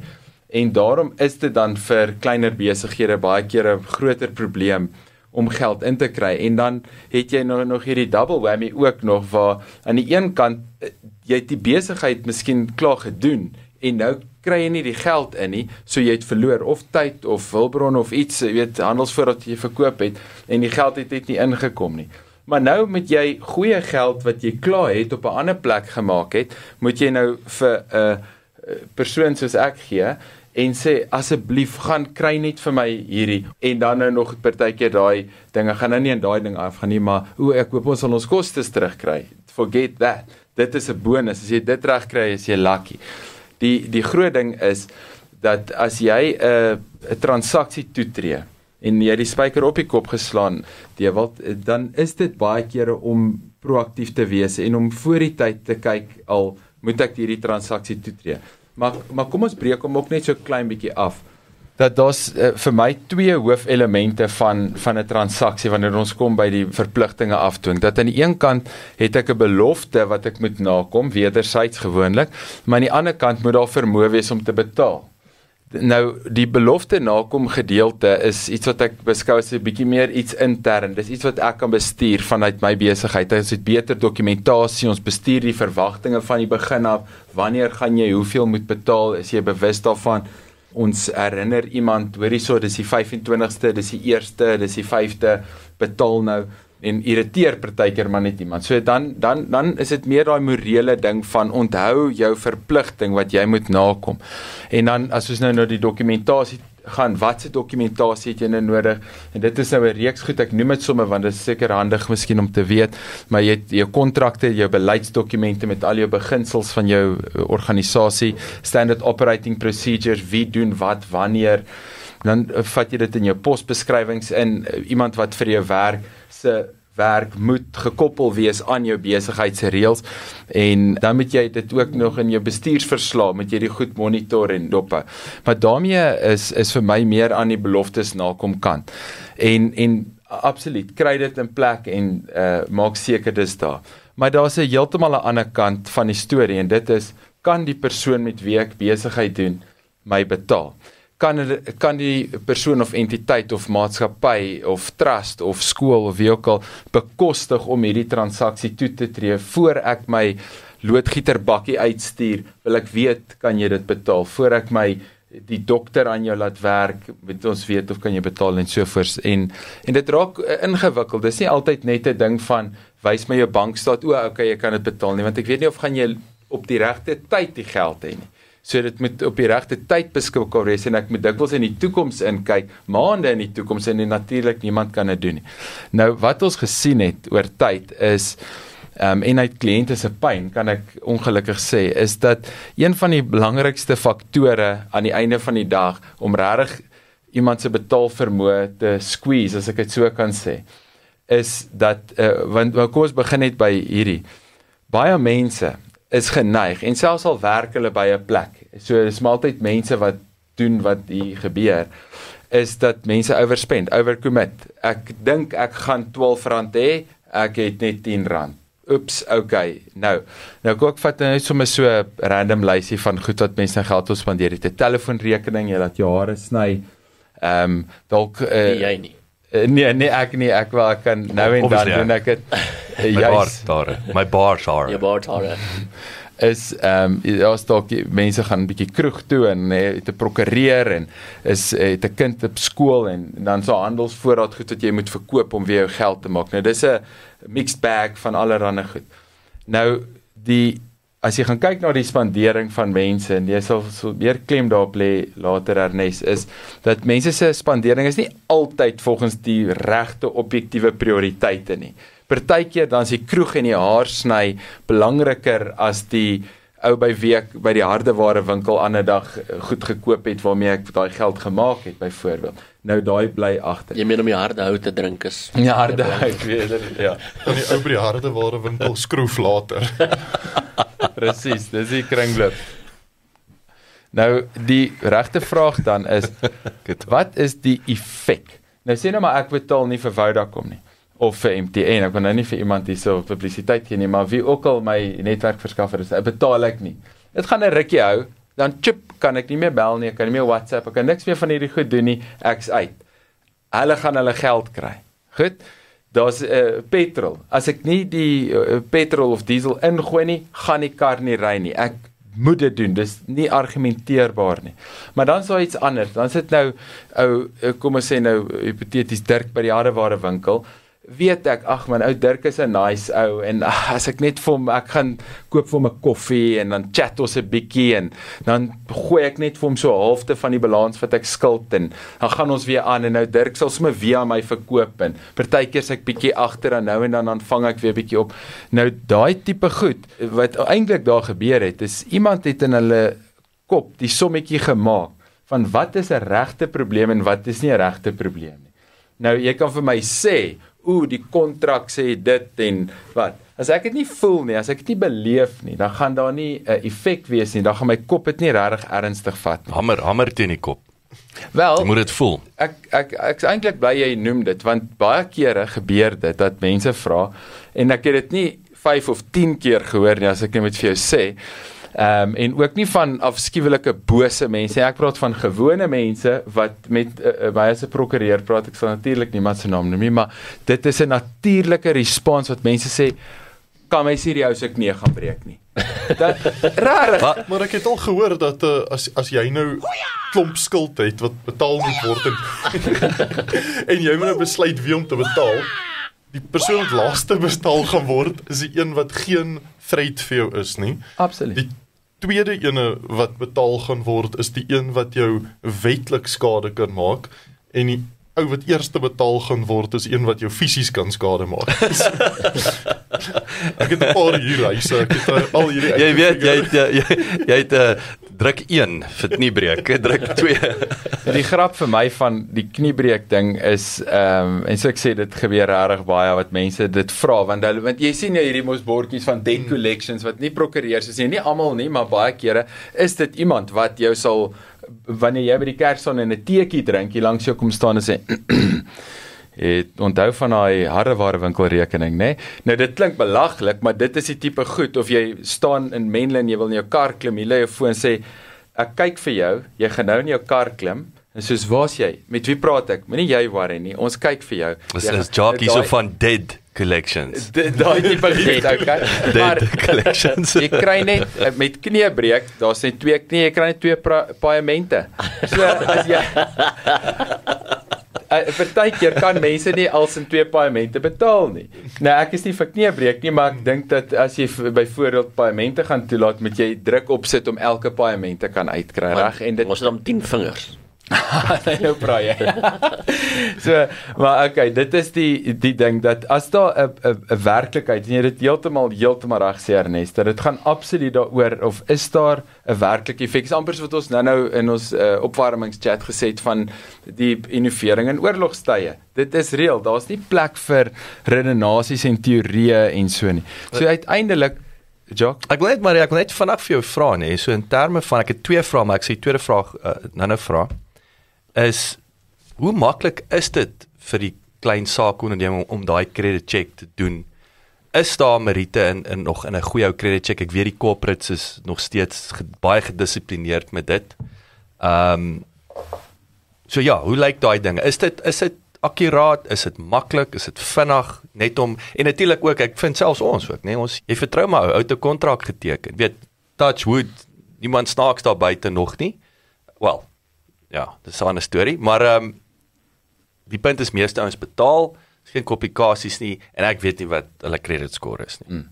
So d- daai is by voorsorg. Dit is om voordat die krediet toegestaan word is uh, en kom ons face dit. As iemand jou later betaal as nou kontant in die hand, is dit krediet. Ek praat nie van die kredietwet en rente en dit nie. Ek praat van jy is op risiko om nie jou geld te kry nie en dit maar daarmee moet jy vrede maak. So neem voorsorg. Die tipe goed wat 'n mens kan doen is kom ons begin by die belaglike, reg? So die belaglike is ek het 3 sulke oproepe of gevalle verwysings gehad in 'n maand wat verby is. Okay? Ouer mense word gebel, antwoord hulle telefoon, val vir die oudste triek in die boek. Dit kon 'n chatbot gewees het. Eh, Betaal vir my vir hierdie of daardie rede hierdie geld oor of gee my jou PIN of log in en sit hierdie by of doen daai woep geld uit. Hardloop bank toe. O, ek is be- bedrieg. Soos jy's gesakker. Jammer, baie jammer, maar dit is 'n regte ou triek waarmee jy gevang is en sorry vir jou. Okay, nee, ek regtig sorry vir jou, maar sorry vir jou. Dis die einde van die storie. So dan die minder belaglike is check iemand uit as ek dit so kan stel. Hey, duur klere, nice watch, cool kar. Beteken nie dis 'n goeie betaler nie. Daai goeders is dalk op slegte skuld. Who knows? Jy weet dis dalk 'n triek om jou te vang, jy weet. So moenie net na die oppervlakkige goed kyk en jy smeer jou praat 'n groot game en bly in 'n groot huis so moet baie geld hê en daar seker 'n kluis met miljoene en as jy net nice is dan kry jy sommer van dit en daar's geld vir die alle dit werk nie so nie. Klaar, kry dit uit jou kop uit. Die regte goeders wat tel is om ehm um, dat die basics is en jy kry toestemming daarvoor dan doen jy 'n basiese credit check. Dis by die kredietburo's jy kan van enige persoon of entiteit 'n verslag trek en jy kan bietjie hulle transaksies geskiedenis en 'n score en al sulke goeders kry. Maar jy moet verstaan daai is 'n snapshot. Dit is beperkte data. Dit is glad nie konteks spesifiek nie. Nie almal is op daai stelsels dat die data beskikbaar is nie. So daar's Maar ek dink belangrik daar's maar is is is die konteks. Ek het al gesien met gevalle, men ek vat veral slim mense, weet ons is partykeer um, ek het vergeet om 'n rekening te betaal, want dit is nie geautomatiseer nie, want dit is nie 'n debietorder nie. En as jy nie konteks sien dan in die in die stelsel word dit net gevleg as jy jy's jy swak betaler, ja. Die twee betalings was laat. Hmm. Maar maar is vir twee spesifieke goed en as jy gaan kyk, as jy sien maar dis daai wat nie debietorders was nie of jy moes manually en jy was dalk nie in die land nie for that matter of jy weet dit dis mense, jy vergeet. Mm, mm, mm, en, en dis weer eens ek wil sê dis nie altyd wat jy met tegnologie net kan 'n klikke knoppie wat my robot skors hier rooi wat kom ons sê konteks oor wat ook al gebeur is dit is al 'n jaar terug. Wat het gebeur hoekom ek jy betaal nie? Jy was afgelê van jou werk, dit was COVID tyd, jy was geretrench. So jy moet altyd konteks onthou. En dan kan jy sien maar met die laaste 12 maande is die trek rekord goed. So moenie baba met die badwater uitgooi nie. Exactly. Ek dink ekskuus uh, maar ek ek het nou ook al gesien met met huurders. Dit is nou maar my my konteks hierso is dit is daai tipe goeders wys baie keer vir jou 'n uh, 'n gewoonte, 'n patroon, 'n patroon en 'n gewoonte misdadiger bly 'n gewoonte misdadiger. As jy gewoond is om goed laat te betaal, gaan jy dit aanhou so doen. Maar as jou finansiële gewoontes goed is, dan gaan jy aanhou om goed te betaal. En dit is die een ding wat die toets van tyd wel sal wys op sy verslag te word is dat is dit 'n patroon of is dit regtig ek het 'n fout gemaak. So, maar ek dink daar wat jy raakvat is mens moet nadere ondersoek instel. Mens moet bietjie dieper kyk as net die fancy watch en 'n credit report. Yes. Uh, dit is uh, byvoorbeeld handelsverwysings. Goeie ou handelsverwysings. Met wie anders het jy iets soortgelyk gedoen? Hmm. As ek die derde, vierde persoon is wie jy nie betaal nie, dan wil ek baie ver van jou weg bly. Of ek wil ander betalingsterme hê. Ek gaan nie toelaat dat jy 90 dae ek gaan stop om aan jou te lewer as ek sien hierdie ding uit 'n kant uit. Okay, so dit is wat ons probeer vasstel, maar hoe doen ons dit? So vra iemand hoorie met wie anders doen jy besigheid tot nou voor die transaksie plaasvind. Dis iemand tipies, ek wil nie sê verleen nie, maar tog 'n bietjie, okay, ek moet nou my kant wys dat jy uh, weet wie ek is en so. So jy kan iemand deur 'n ekstra masjien en deur 'n MRI sit as jy moet ewen hulle sal dit wil doen om die krediet aan te gaan of om die die die fasiliteite kry. So maar as jy met iemand gaan praat dan wat met hulle en nie en maak seker dis nie hulle vriende en familie en die beste vriend wat altyd daai oproep vat en so nie. Gaan praat met iemand wat 'n uh, relevante verwysing is en maak dan ook seker jy vra die regte vrae. Eh, vra vir iemand, ek wil jou finansiële status sien, ek wil bestuurstatus sien, ek wil bankstatus sien. As jy dit vir my wil wys nie, dan kan ons daaroor praat. As jy dit nie het nie, dan moet ons begin ernstige vrae vra. OK, nie almal het heeltyd 'n report vir alles nie. Maar as daar niks is nie, as daar niks is wat jy kan demonstreer om geloofwaardigheid te kry dat jy dit werd is nie, verdien jy nie krediet nie. Hoekom moet die risiko geneem word aan hierdie kant? Nou die punt dan is dat om voorsorg te tref, om 'n kredietvasstelling te doen, 'n kredietlimietvasstelling volgens die feite wat jy het. Nie sê ag ons gee R30000 limiet en daarna kort jy dit en dat. Sê wag vir jou dit vir jou dit vir jou dit. En dan dit is die voorsorgkant. Maar uiteindelik wat 'n mens sien is dit gaan oor lewensiklus bestuur. Dit gaan daar's gereeld hierdie tipe transaksies. Daar's elke eenheid 10, elke eenheid 100 gaan daar iemand wees wat nie die belofte nakom nie wat nie betaal nie. En daar sê mens dan dit is eintlik al al is dit eksterne probleme of iemand geld het en of hulle betaal. Kan mens intern op 'n bestuursvlak strategies en prakties allerlei maatreëls en uh, prosesse instel. En dan gaan sommer net soveel net 'n paar noem uh, met die hoop dat dit handig is dat daar's 'n uh, interne beleid. Hou daarby. As jy prosedures het, stiek daarby monitor jou uh resultate. Uh, kyk na die mense se balans. As iemand agter is, moenie nog krediet toestaan nie. As iemand begin altyd goed betaal het en uh, was altyd op die 28ste dan kry ons uh Marese geld. Ooh, nou is hy die 3de, die 7de, die 9de. Iets is fout. Pas op. Dis nie meer nice besigheidsvernoot van laas nie. Dit is dalk 'n uh, probleem van môre. So hou dit dan dop. Los die probleme baie vinnig op. David, jy nou nog gesê Jacques is so belangrik dat as iemand 'n probleem het, as iemand jou 'n 3 uit 5 skoor gaan gee, moet jy uitvind want daai is ook iemand wat jou nie gaan wil betaal nie. So as jy kan uitvind wat is dit en sê wag 'n bietjie, ons is nog besig om te transact. Ek wil asseblief net by jou hoor, wat gaan hier aan? Want jy gaan ook nou slegte goed van my nou nog seker wil sê ook nog later in die pad. So hou daai blus daai vuurtjie terwyl hy klein is.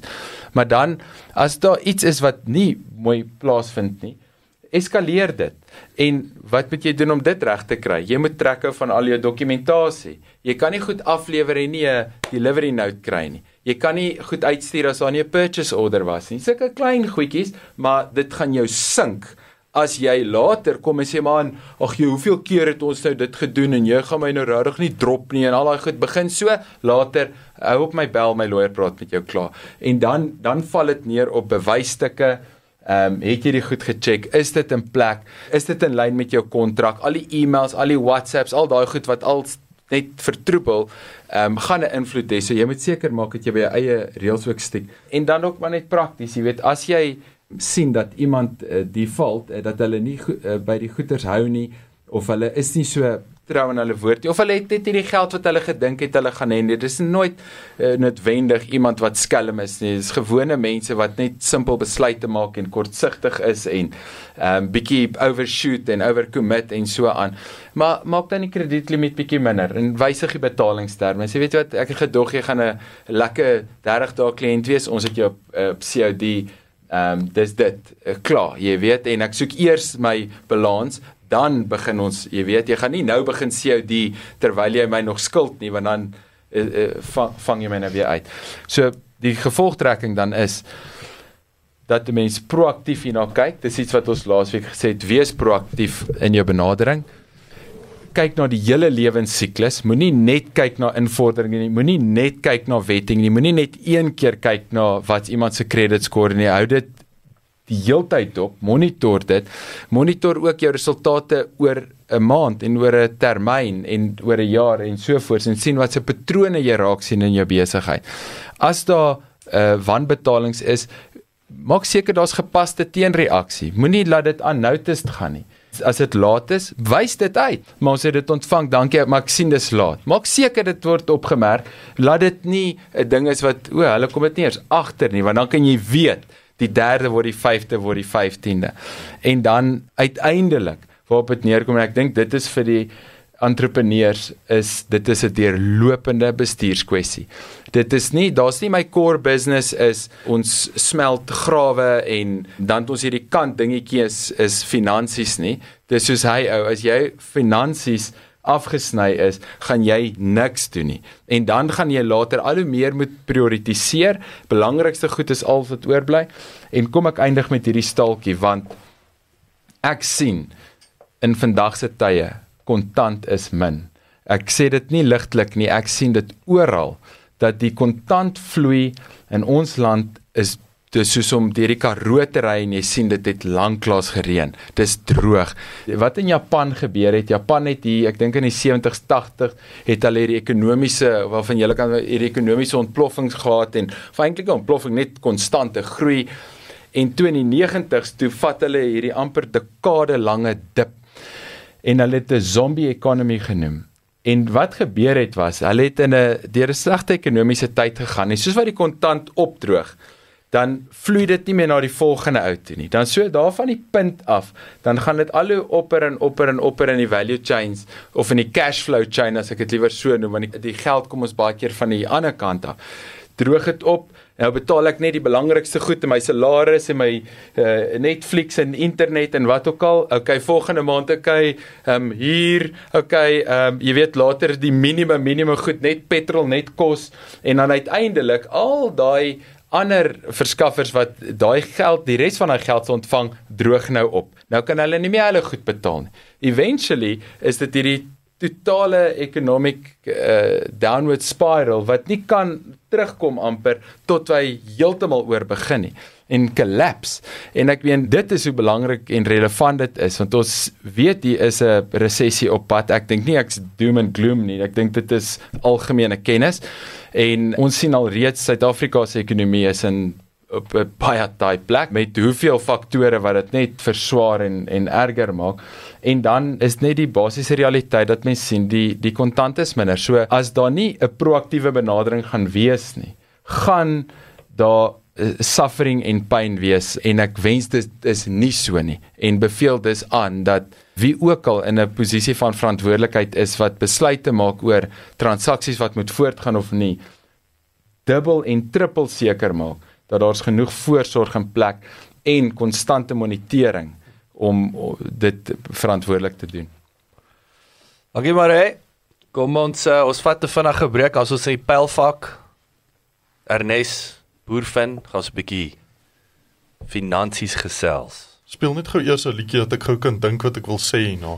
Ons sal teen vanaand Ja, ek praat nou hierso. Regte Recording praat. Episode is beskikbaar hê sodat jy kan luister wanneer dit jou pas. Die eerste episode sal natuurlik die programme se geheel wees.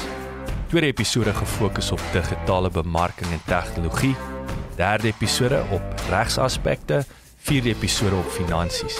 En onthou besoek asseblief ons webwerf by www.klipkous.com. Teken asseblief in sodat ons jou op hoogte kan hou. En baie belangrik, gaan luister na ons vorige potgoeie en toekomstige potgoeie op Spotify, Apple Podcast en natuurlik op YouTube. En baie belangrik as jy hou van wat jy hoor, los asseblief 'n resensie sodat lekker mense soos jy ook te hore kom en uitvind van Klipkouerson.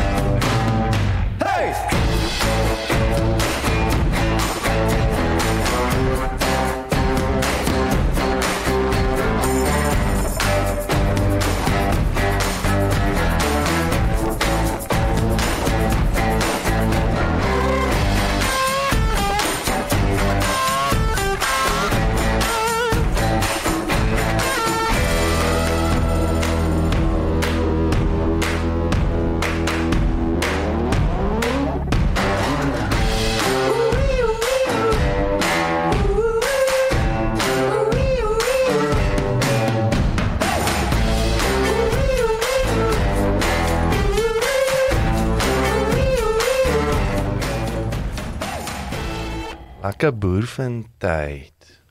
Maar ek moet jy's mos Ernest, ek weet jy's mos 'n baie ernstige ou. Uh inderdaad. So, maar hang aan, hang aan. Okay, so is weer speel. Okay. Gaan Ernest, dis nou ernstige intro vir jou. Okay. Ek sien ek sien ek sien ek sien daai vinnige vingertjie daarso. In elk geval uh dankie vir vir die geleentheid om weer 'n bietjie te kon chat, bietjie finansies te praat. Ehm um, ek moet sê laasweek was nie vir my 'n wonderlike week nie.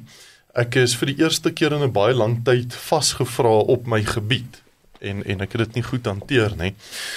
So, julle ken die Transformers, né? Ja. die movie ja. So so iemand kom toe nou na my toe en hulle sê as jy nou versekerings moet uitneem op die transformer, gaan jy nou vir hom lewensdekking of motor versekerings gee. En en ek het nie geweet nie. En dit was dit was my erg. En toe kom die ou en hy maak dit nog moeiliker en hy sê maar die transformer assosieer as huiscontent. So nou weet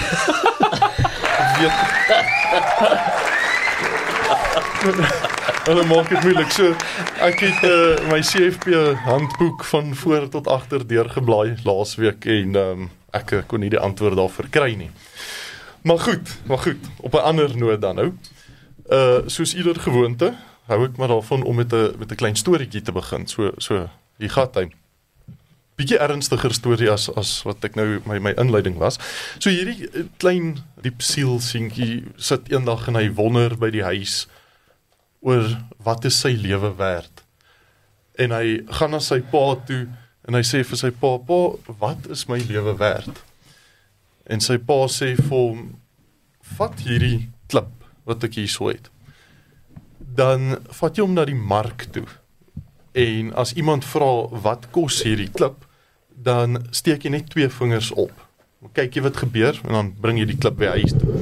So vat hy die klip mark toe en by die mark vra iemand sê jessie dit is 'n mooi klip wat kos hy en hy steek sy twee vingers op en die vrou sê o 2 dollar baie goed ek sal hom koop hy vat sy klip toe nou terug huis toe en hy vertel vir sy pa die storie. Die volgende dag sê sy pa vir hom vat te vandag hierdie klip na die kunsgalery toe en dan doen jy dieselfde ding daarso. En uh, hy gaan na die kunsgalery toe en daar is 'n vrou en sy vra jessie dis 'n regtig besonderse mooi klip. Wat kos die klip? En hy steek sy twee vingers op en sy sê 2000 dollar. Dit dit dis 'n nice klip. Ek sal hom vat vir daai prys en hy is huis toe hy vertel vir sy pa.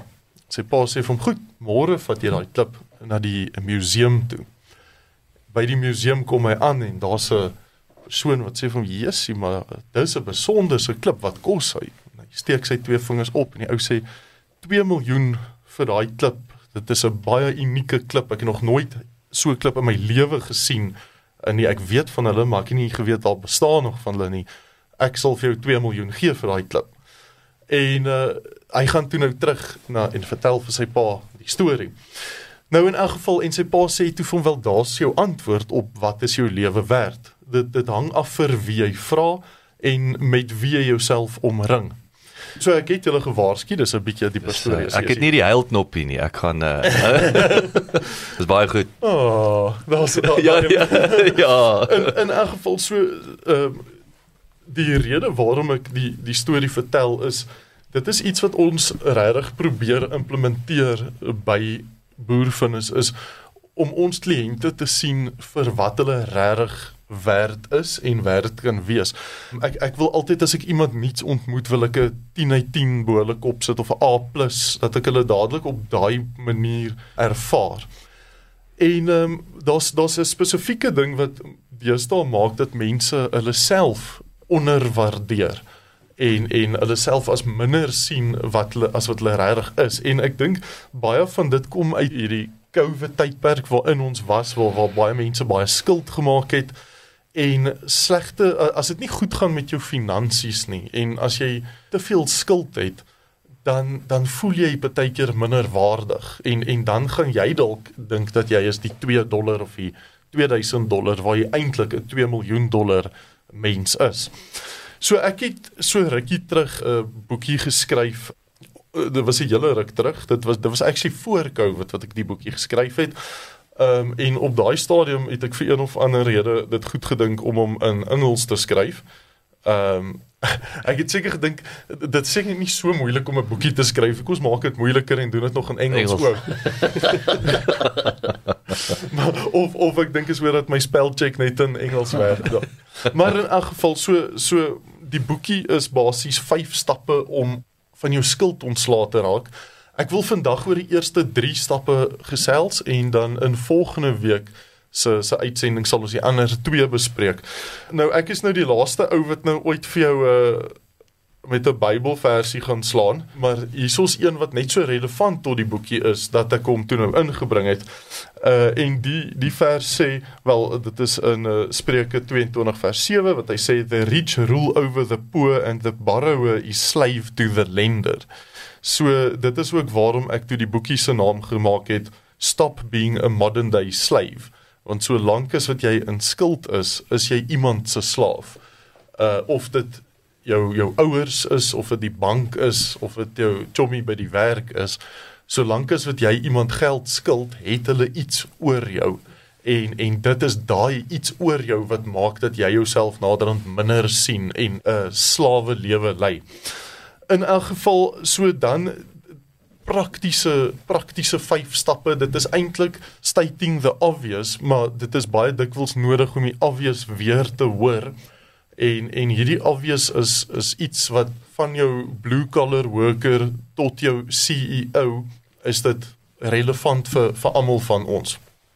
Die eerste ene is 'n begroting en en ek weet meeste van ons haat daai woord dit het 'n baie slegte konnotasie maar bitter belangrik vir ons almal om actually 'n begroting te hê om actually te weet soos wat Marene het nou gepraat het van jy moet gaan inkopies doen jy moet jou hare gaan sny as jy het jy moet jy moet al hierdie goedjies doen maar min van ons weet wat kos ons lewe in die einde van die maand en hoe vergelyk dit met met dit wat ons inkry. Dit is amper soos die volstrys ding wat jy wil jou kop eerder in die gat druk en dit nie sien nie uh, nie weet daarvan nie interessante ding um, Ernest wat ek altyd sê is as mens kyk na 'n kredietkaart en is weer eens is net jou uitkyk hoe jy praat oor die begroting is dat uh, as ek na 'n kredietkaart kyk dan sien ek daar's 'n limiet. Dit beteken ek moet onder dit spandeer.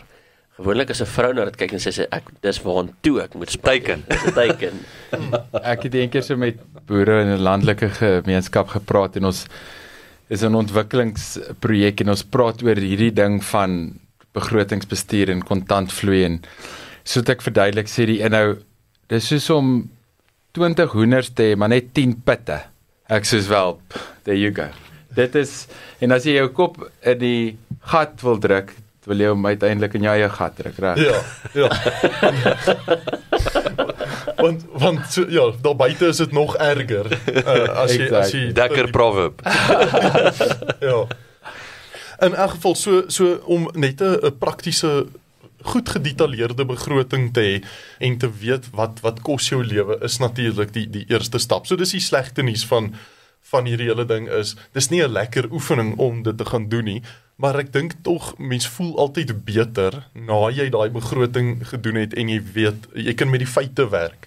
Wat is daai? Ekskuus ek vir jou rede Ernest. Daai een van die kragtigste apps wat wat ek gebruik is hierdie wat Old Mutual se 22 something. 227 ja. 227 227 ek, ek moet wow. sê hy is baie indrukwekkend. Link met jou bankrekening en hy figure hy hy trek en as jy dit goed weer eens jy junk in junk out so jy moet hom net help goed allokeer en dan begin hy Dit maar ek sien hy hy hy so meeste van die tyd 96% allokeer outomaties. Maar ek weet geen indikasie ten minste mm. akkurate indikasie En uh, op op dalk is dit 'n chat vir julle vir 'n uh, volgende keer op tegnologie want ek dink dit is 'n briljante stuk tegnologie wat daai het want Alt Mutual sit met al daai data hmm. van almal se begrotings wat nie 'n slegte ding is nie. Ek meen ja. dit, dit is beskerm. Niks is verniet nie, nê. Nee. So Ja, ja hulle weet, hulle kry Maar dit is deel van 'n verkoopstrategie en 'n bemark. Ek sê van fantasties aan by die chatbot mm. voorbeeld. Mm. Ja. Maar ja, as ons 'n bietjie kyk dan. Maar maar ja, briljante stuk tegnologie. Ehm um, dit dit dit word al hoe makliker om jou begroting behoorlik te doen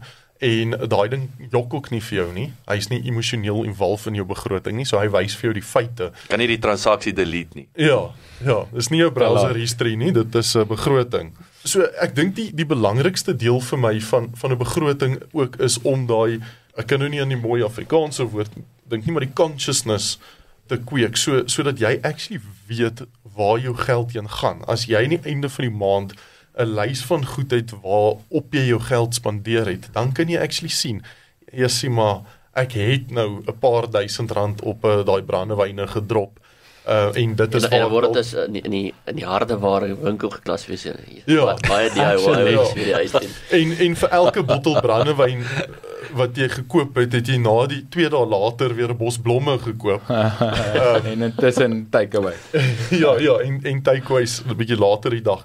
So ek dink eh, dit is baie belangrik om te weet waarop jy jou geld spandeer. Jy kan nie manage wat jy nie kan meet nie.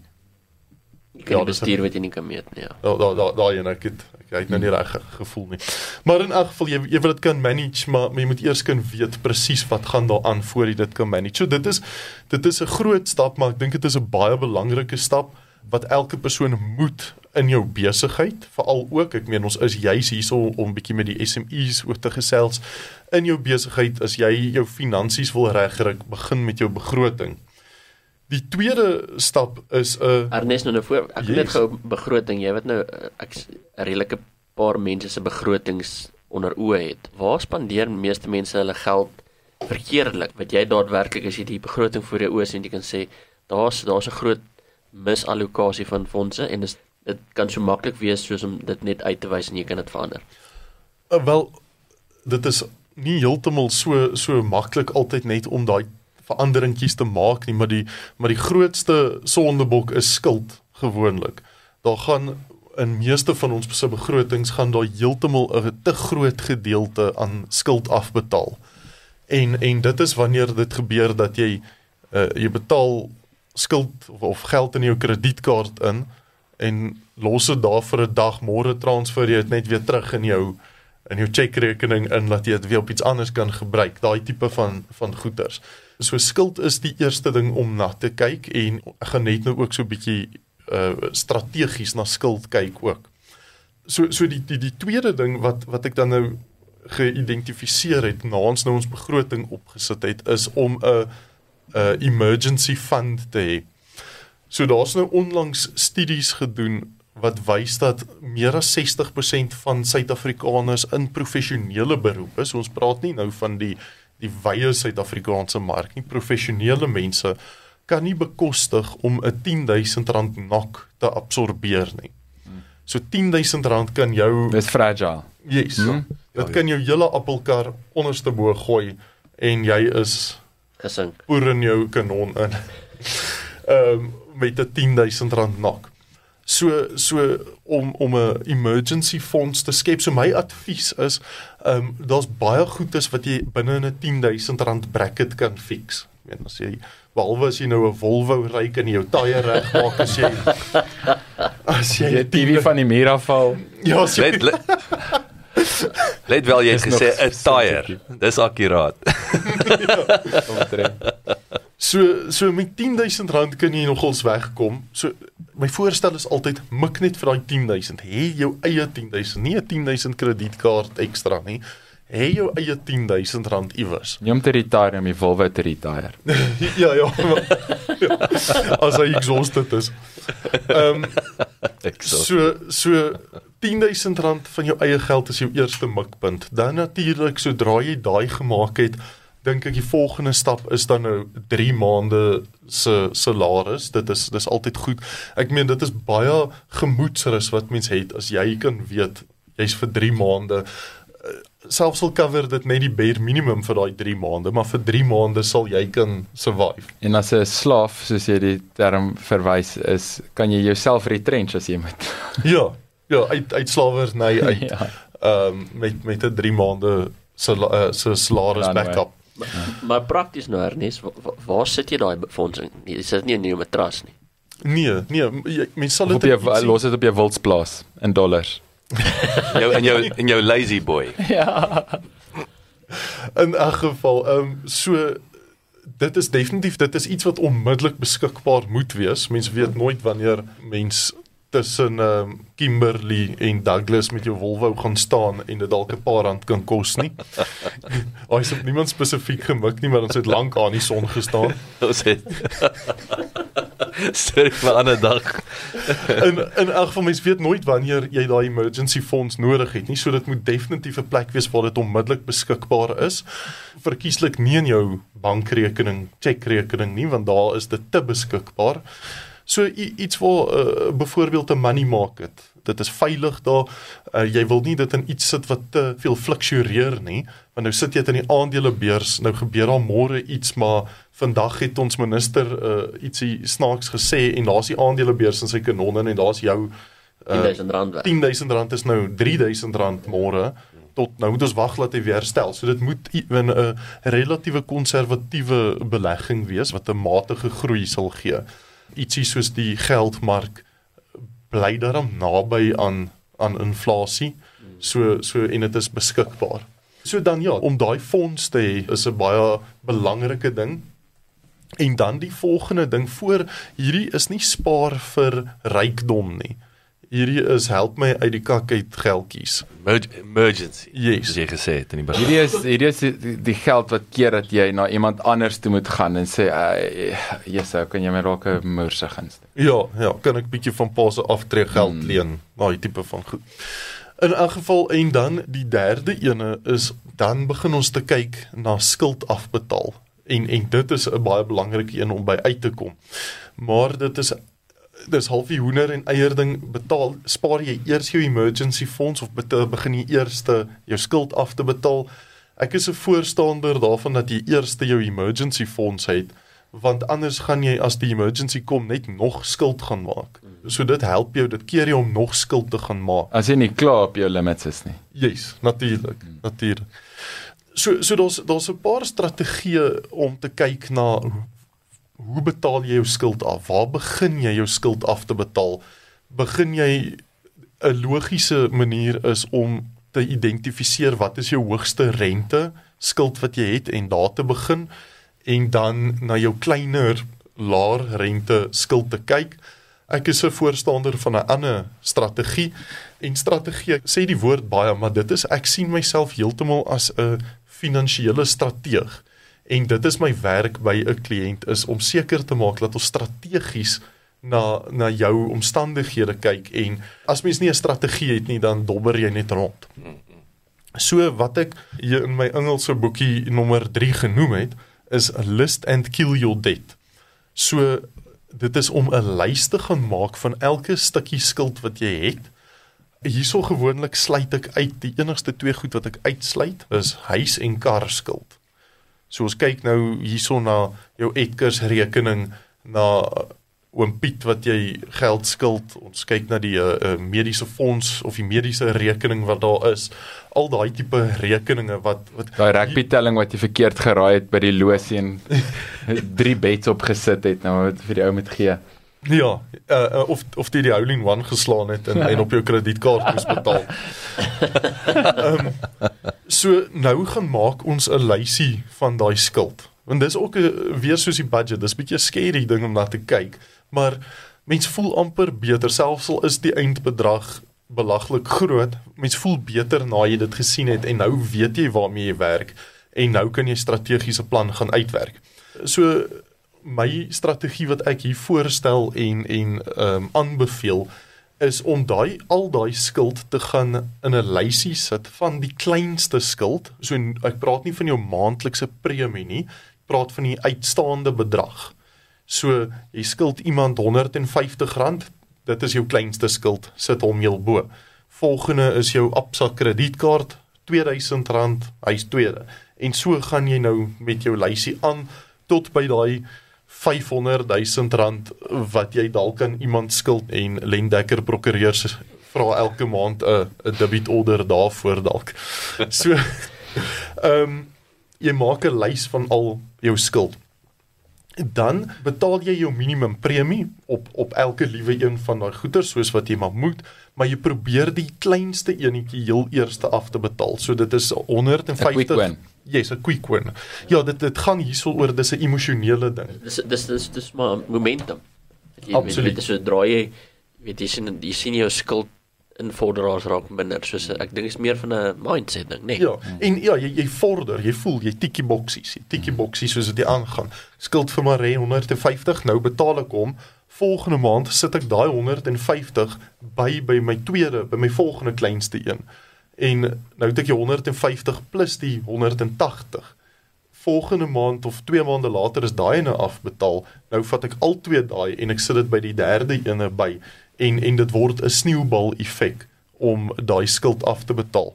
So hierdie is ek dink basies die eerste 3 stappe wat 'n mens moet neem in jou finansiële lewe, ehm um, jou besigheidsin of privaat in jou in jou privaat lewe om die boeye van skuld van ontslae te kan raak en 'n vrye lewe te kan lei. En dit is uh, min of meer my storie vir vanoggend. So ek het vir jou vinnig gevra, so en dit sluit nou baie mooi aan juis met wat Maree vroeër gepraat het van van krediet gee.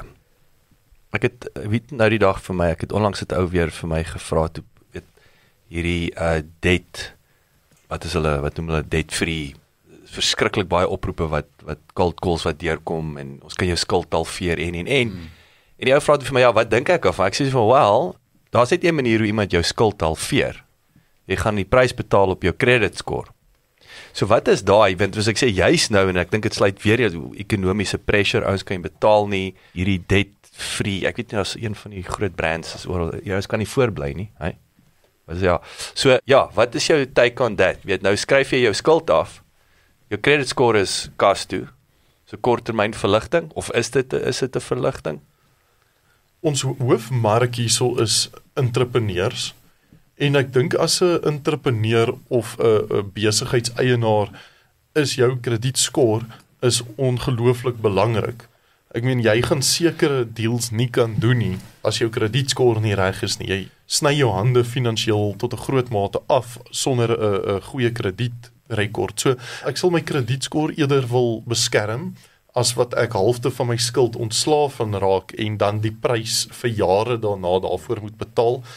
Dink dit is belangrik om 'n proaktiewe approach te hê wanneer mens begin agter te raak. Voor die prokureurs jou bel, bel die bank. Sê vir die bank, luister, dit is die situasie waarin ek is. Die bank wil ook nie die moeilike pad vat nie en dit is dit is makliker meeste krediteure wil nie is nie uit om jou te skroe nie. Hulle wil hulle geld hê as hulle nou 'n bietjie langer moet wag solank hulle net eventually ook daai wen. En ek dink die die boodskap is hierso soos jy sê om jou persoonlike finansies en het sy besigheid konfronteer die realiteit. Hmm. Dit is moeilik, maar dit is die dis die beste beginplek. Ja, en ek meen om dalk net ook die opsies om dit te skets. Veronderstel jy's toe totaal en al oor jou kop. Die die ergste ergste graad hopeloos insolvent, geen kans nie, totaal en al verdrink, overcommit. Is die ergste seker sekwestrasie waar iemand hulle totale boedel oorgee. Dit is switching it off and on again. Dit is die die die die ergste, maar dan kry jy 'n totale reset, maar daai ding sleep jy saam met jou saam vir ewig. Dit is so ek sien dit soveel keer in vorms is jy al gesekwestreer. Dit ek het al ook ek moet dit by sê ek ken mense wat al gesekwestreer was wat baie goed van dit afgekom het baie goed gerehabiliteer het. Ietsie kort van dit wat die kredietwet vir ons gee is, is skuldhersiening waar jy iemand kan help om van die goed net te herstruktureer en jou paaiement kom dalk net af en jy doen dit oor 'n langer termyn maar dis relief. So dit is nie jy gaan nog steeds betaal en uh, dit gaan nie weg nie, maar dit kan raak weer bekostigbaar om te lewe. Maar bietjie korter van dit is skuldkonsolidasie en ek dink dis eintlik net 'n ding wat mense ook moet oorweeg dat as jy dit kan bekostig om net goedkoper skuld aan te gaan en te sê goed hiermee settle ek daai duur skuld. Het jy dis ook 'n quick win, is dit nie? En dan die laagste graad van uh, aksie om te neem is seker maar net en ek dink dit's goed dat jy dit sê Jacques is om met die krediteure te gaan praat en sê hy ek kan nie die maand betaal nie face it. Of jy vind dit nou uit of later maar in in my ervaring is dit 12 uit 10 keer die geval dat wanneer jy proaktief met iemand gaan praat en sê hoorie ek gaan jou nie betyds betaal nie. Sorry hoe jy dit hoor maar dit is so is dit beter as om dit na die tyd uit te vind 'n ander oplossing en dit is ook nou weer 'n hele gesprek op sy eie wat ons dalk in 'n volgende episode kan kan kyk is as ek kan sien ek het te min geld om al my skuld af te betaal. So is die probleem dat my skuld te veel is of is die probleem dat my geld te min is? En en wat kan ek dalk doen om my salaris 'n klein bietjie van 'n boost te gee? Is dit dalk nou tyd vir 'n vir 'n side hustle of ietsie wat daai ekstra 5 of 10000 rand 'n maand kan inbring om my te help om my skuld te kan uh maintain. gaan 'n interessante gesprek wees. Bal Baljie sideline. Dankie manne, dit was lekker om met julle te gesels. Dankie dat jy geluister het. Um, ons hoop jy het 'n heerlike Vrydag, heerlike naweek. Na die wonderlike reëns, ek dink dit gaan binnekort baie groen wees. En ons sien uit om uh, weer met julle te gesels uh, volgende Vrydag 6uur. Lekker naweek. Dankie. Dankie dat jy geluister het. Besoek asseblief ons webwerf by www.klipkouers.com. Teken sommer in sodat ons jou op hoogte kan hou. Baie belangrik gaan luister na ons ander potgooi reeks en episodes op Spotify, Apple Podcasts of YouTube. Baie belangrik as jy hou van wat jy hoor, los asseblief 'n resensie sodat ander lekker mense soos jy van ons episode te hore kan kom. En kom volg ons op sosiale media. Gesoek net vir Klipkouers op Facebook, Instagram, Twitter, TikTok en natuurlik LinkedIn.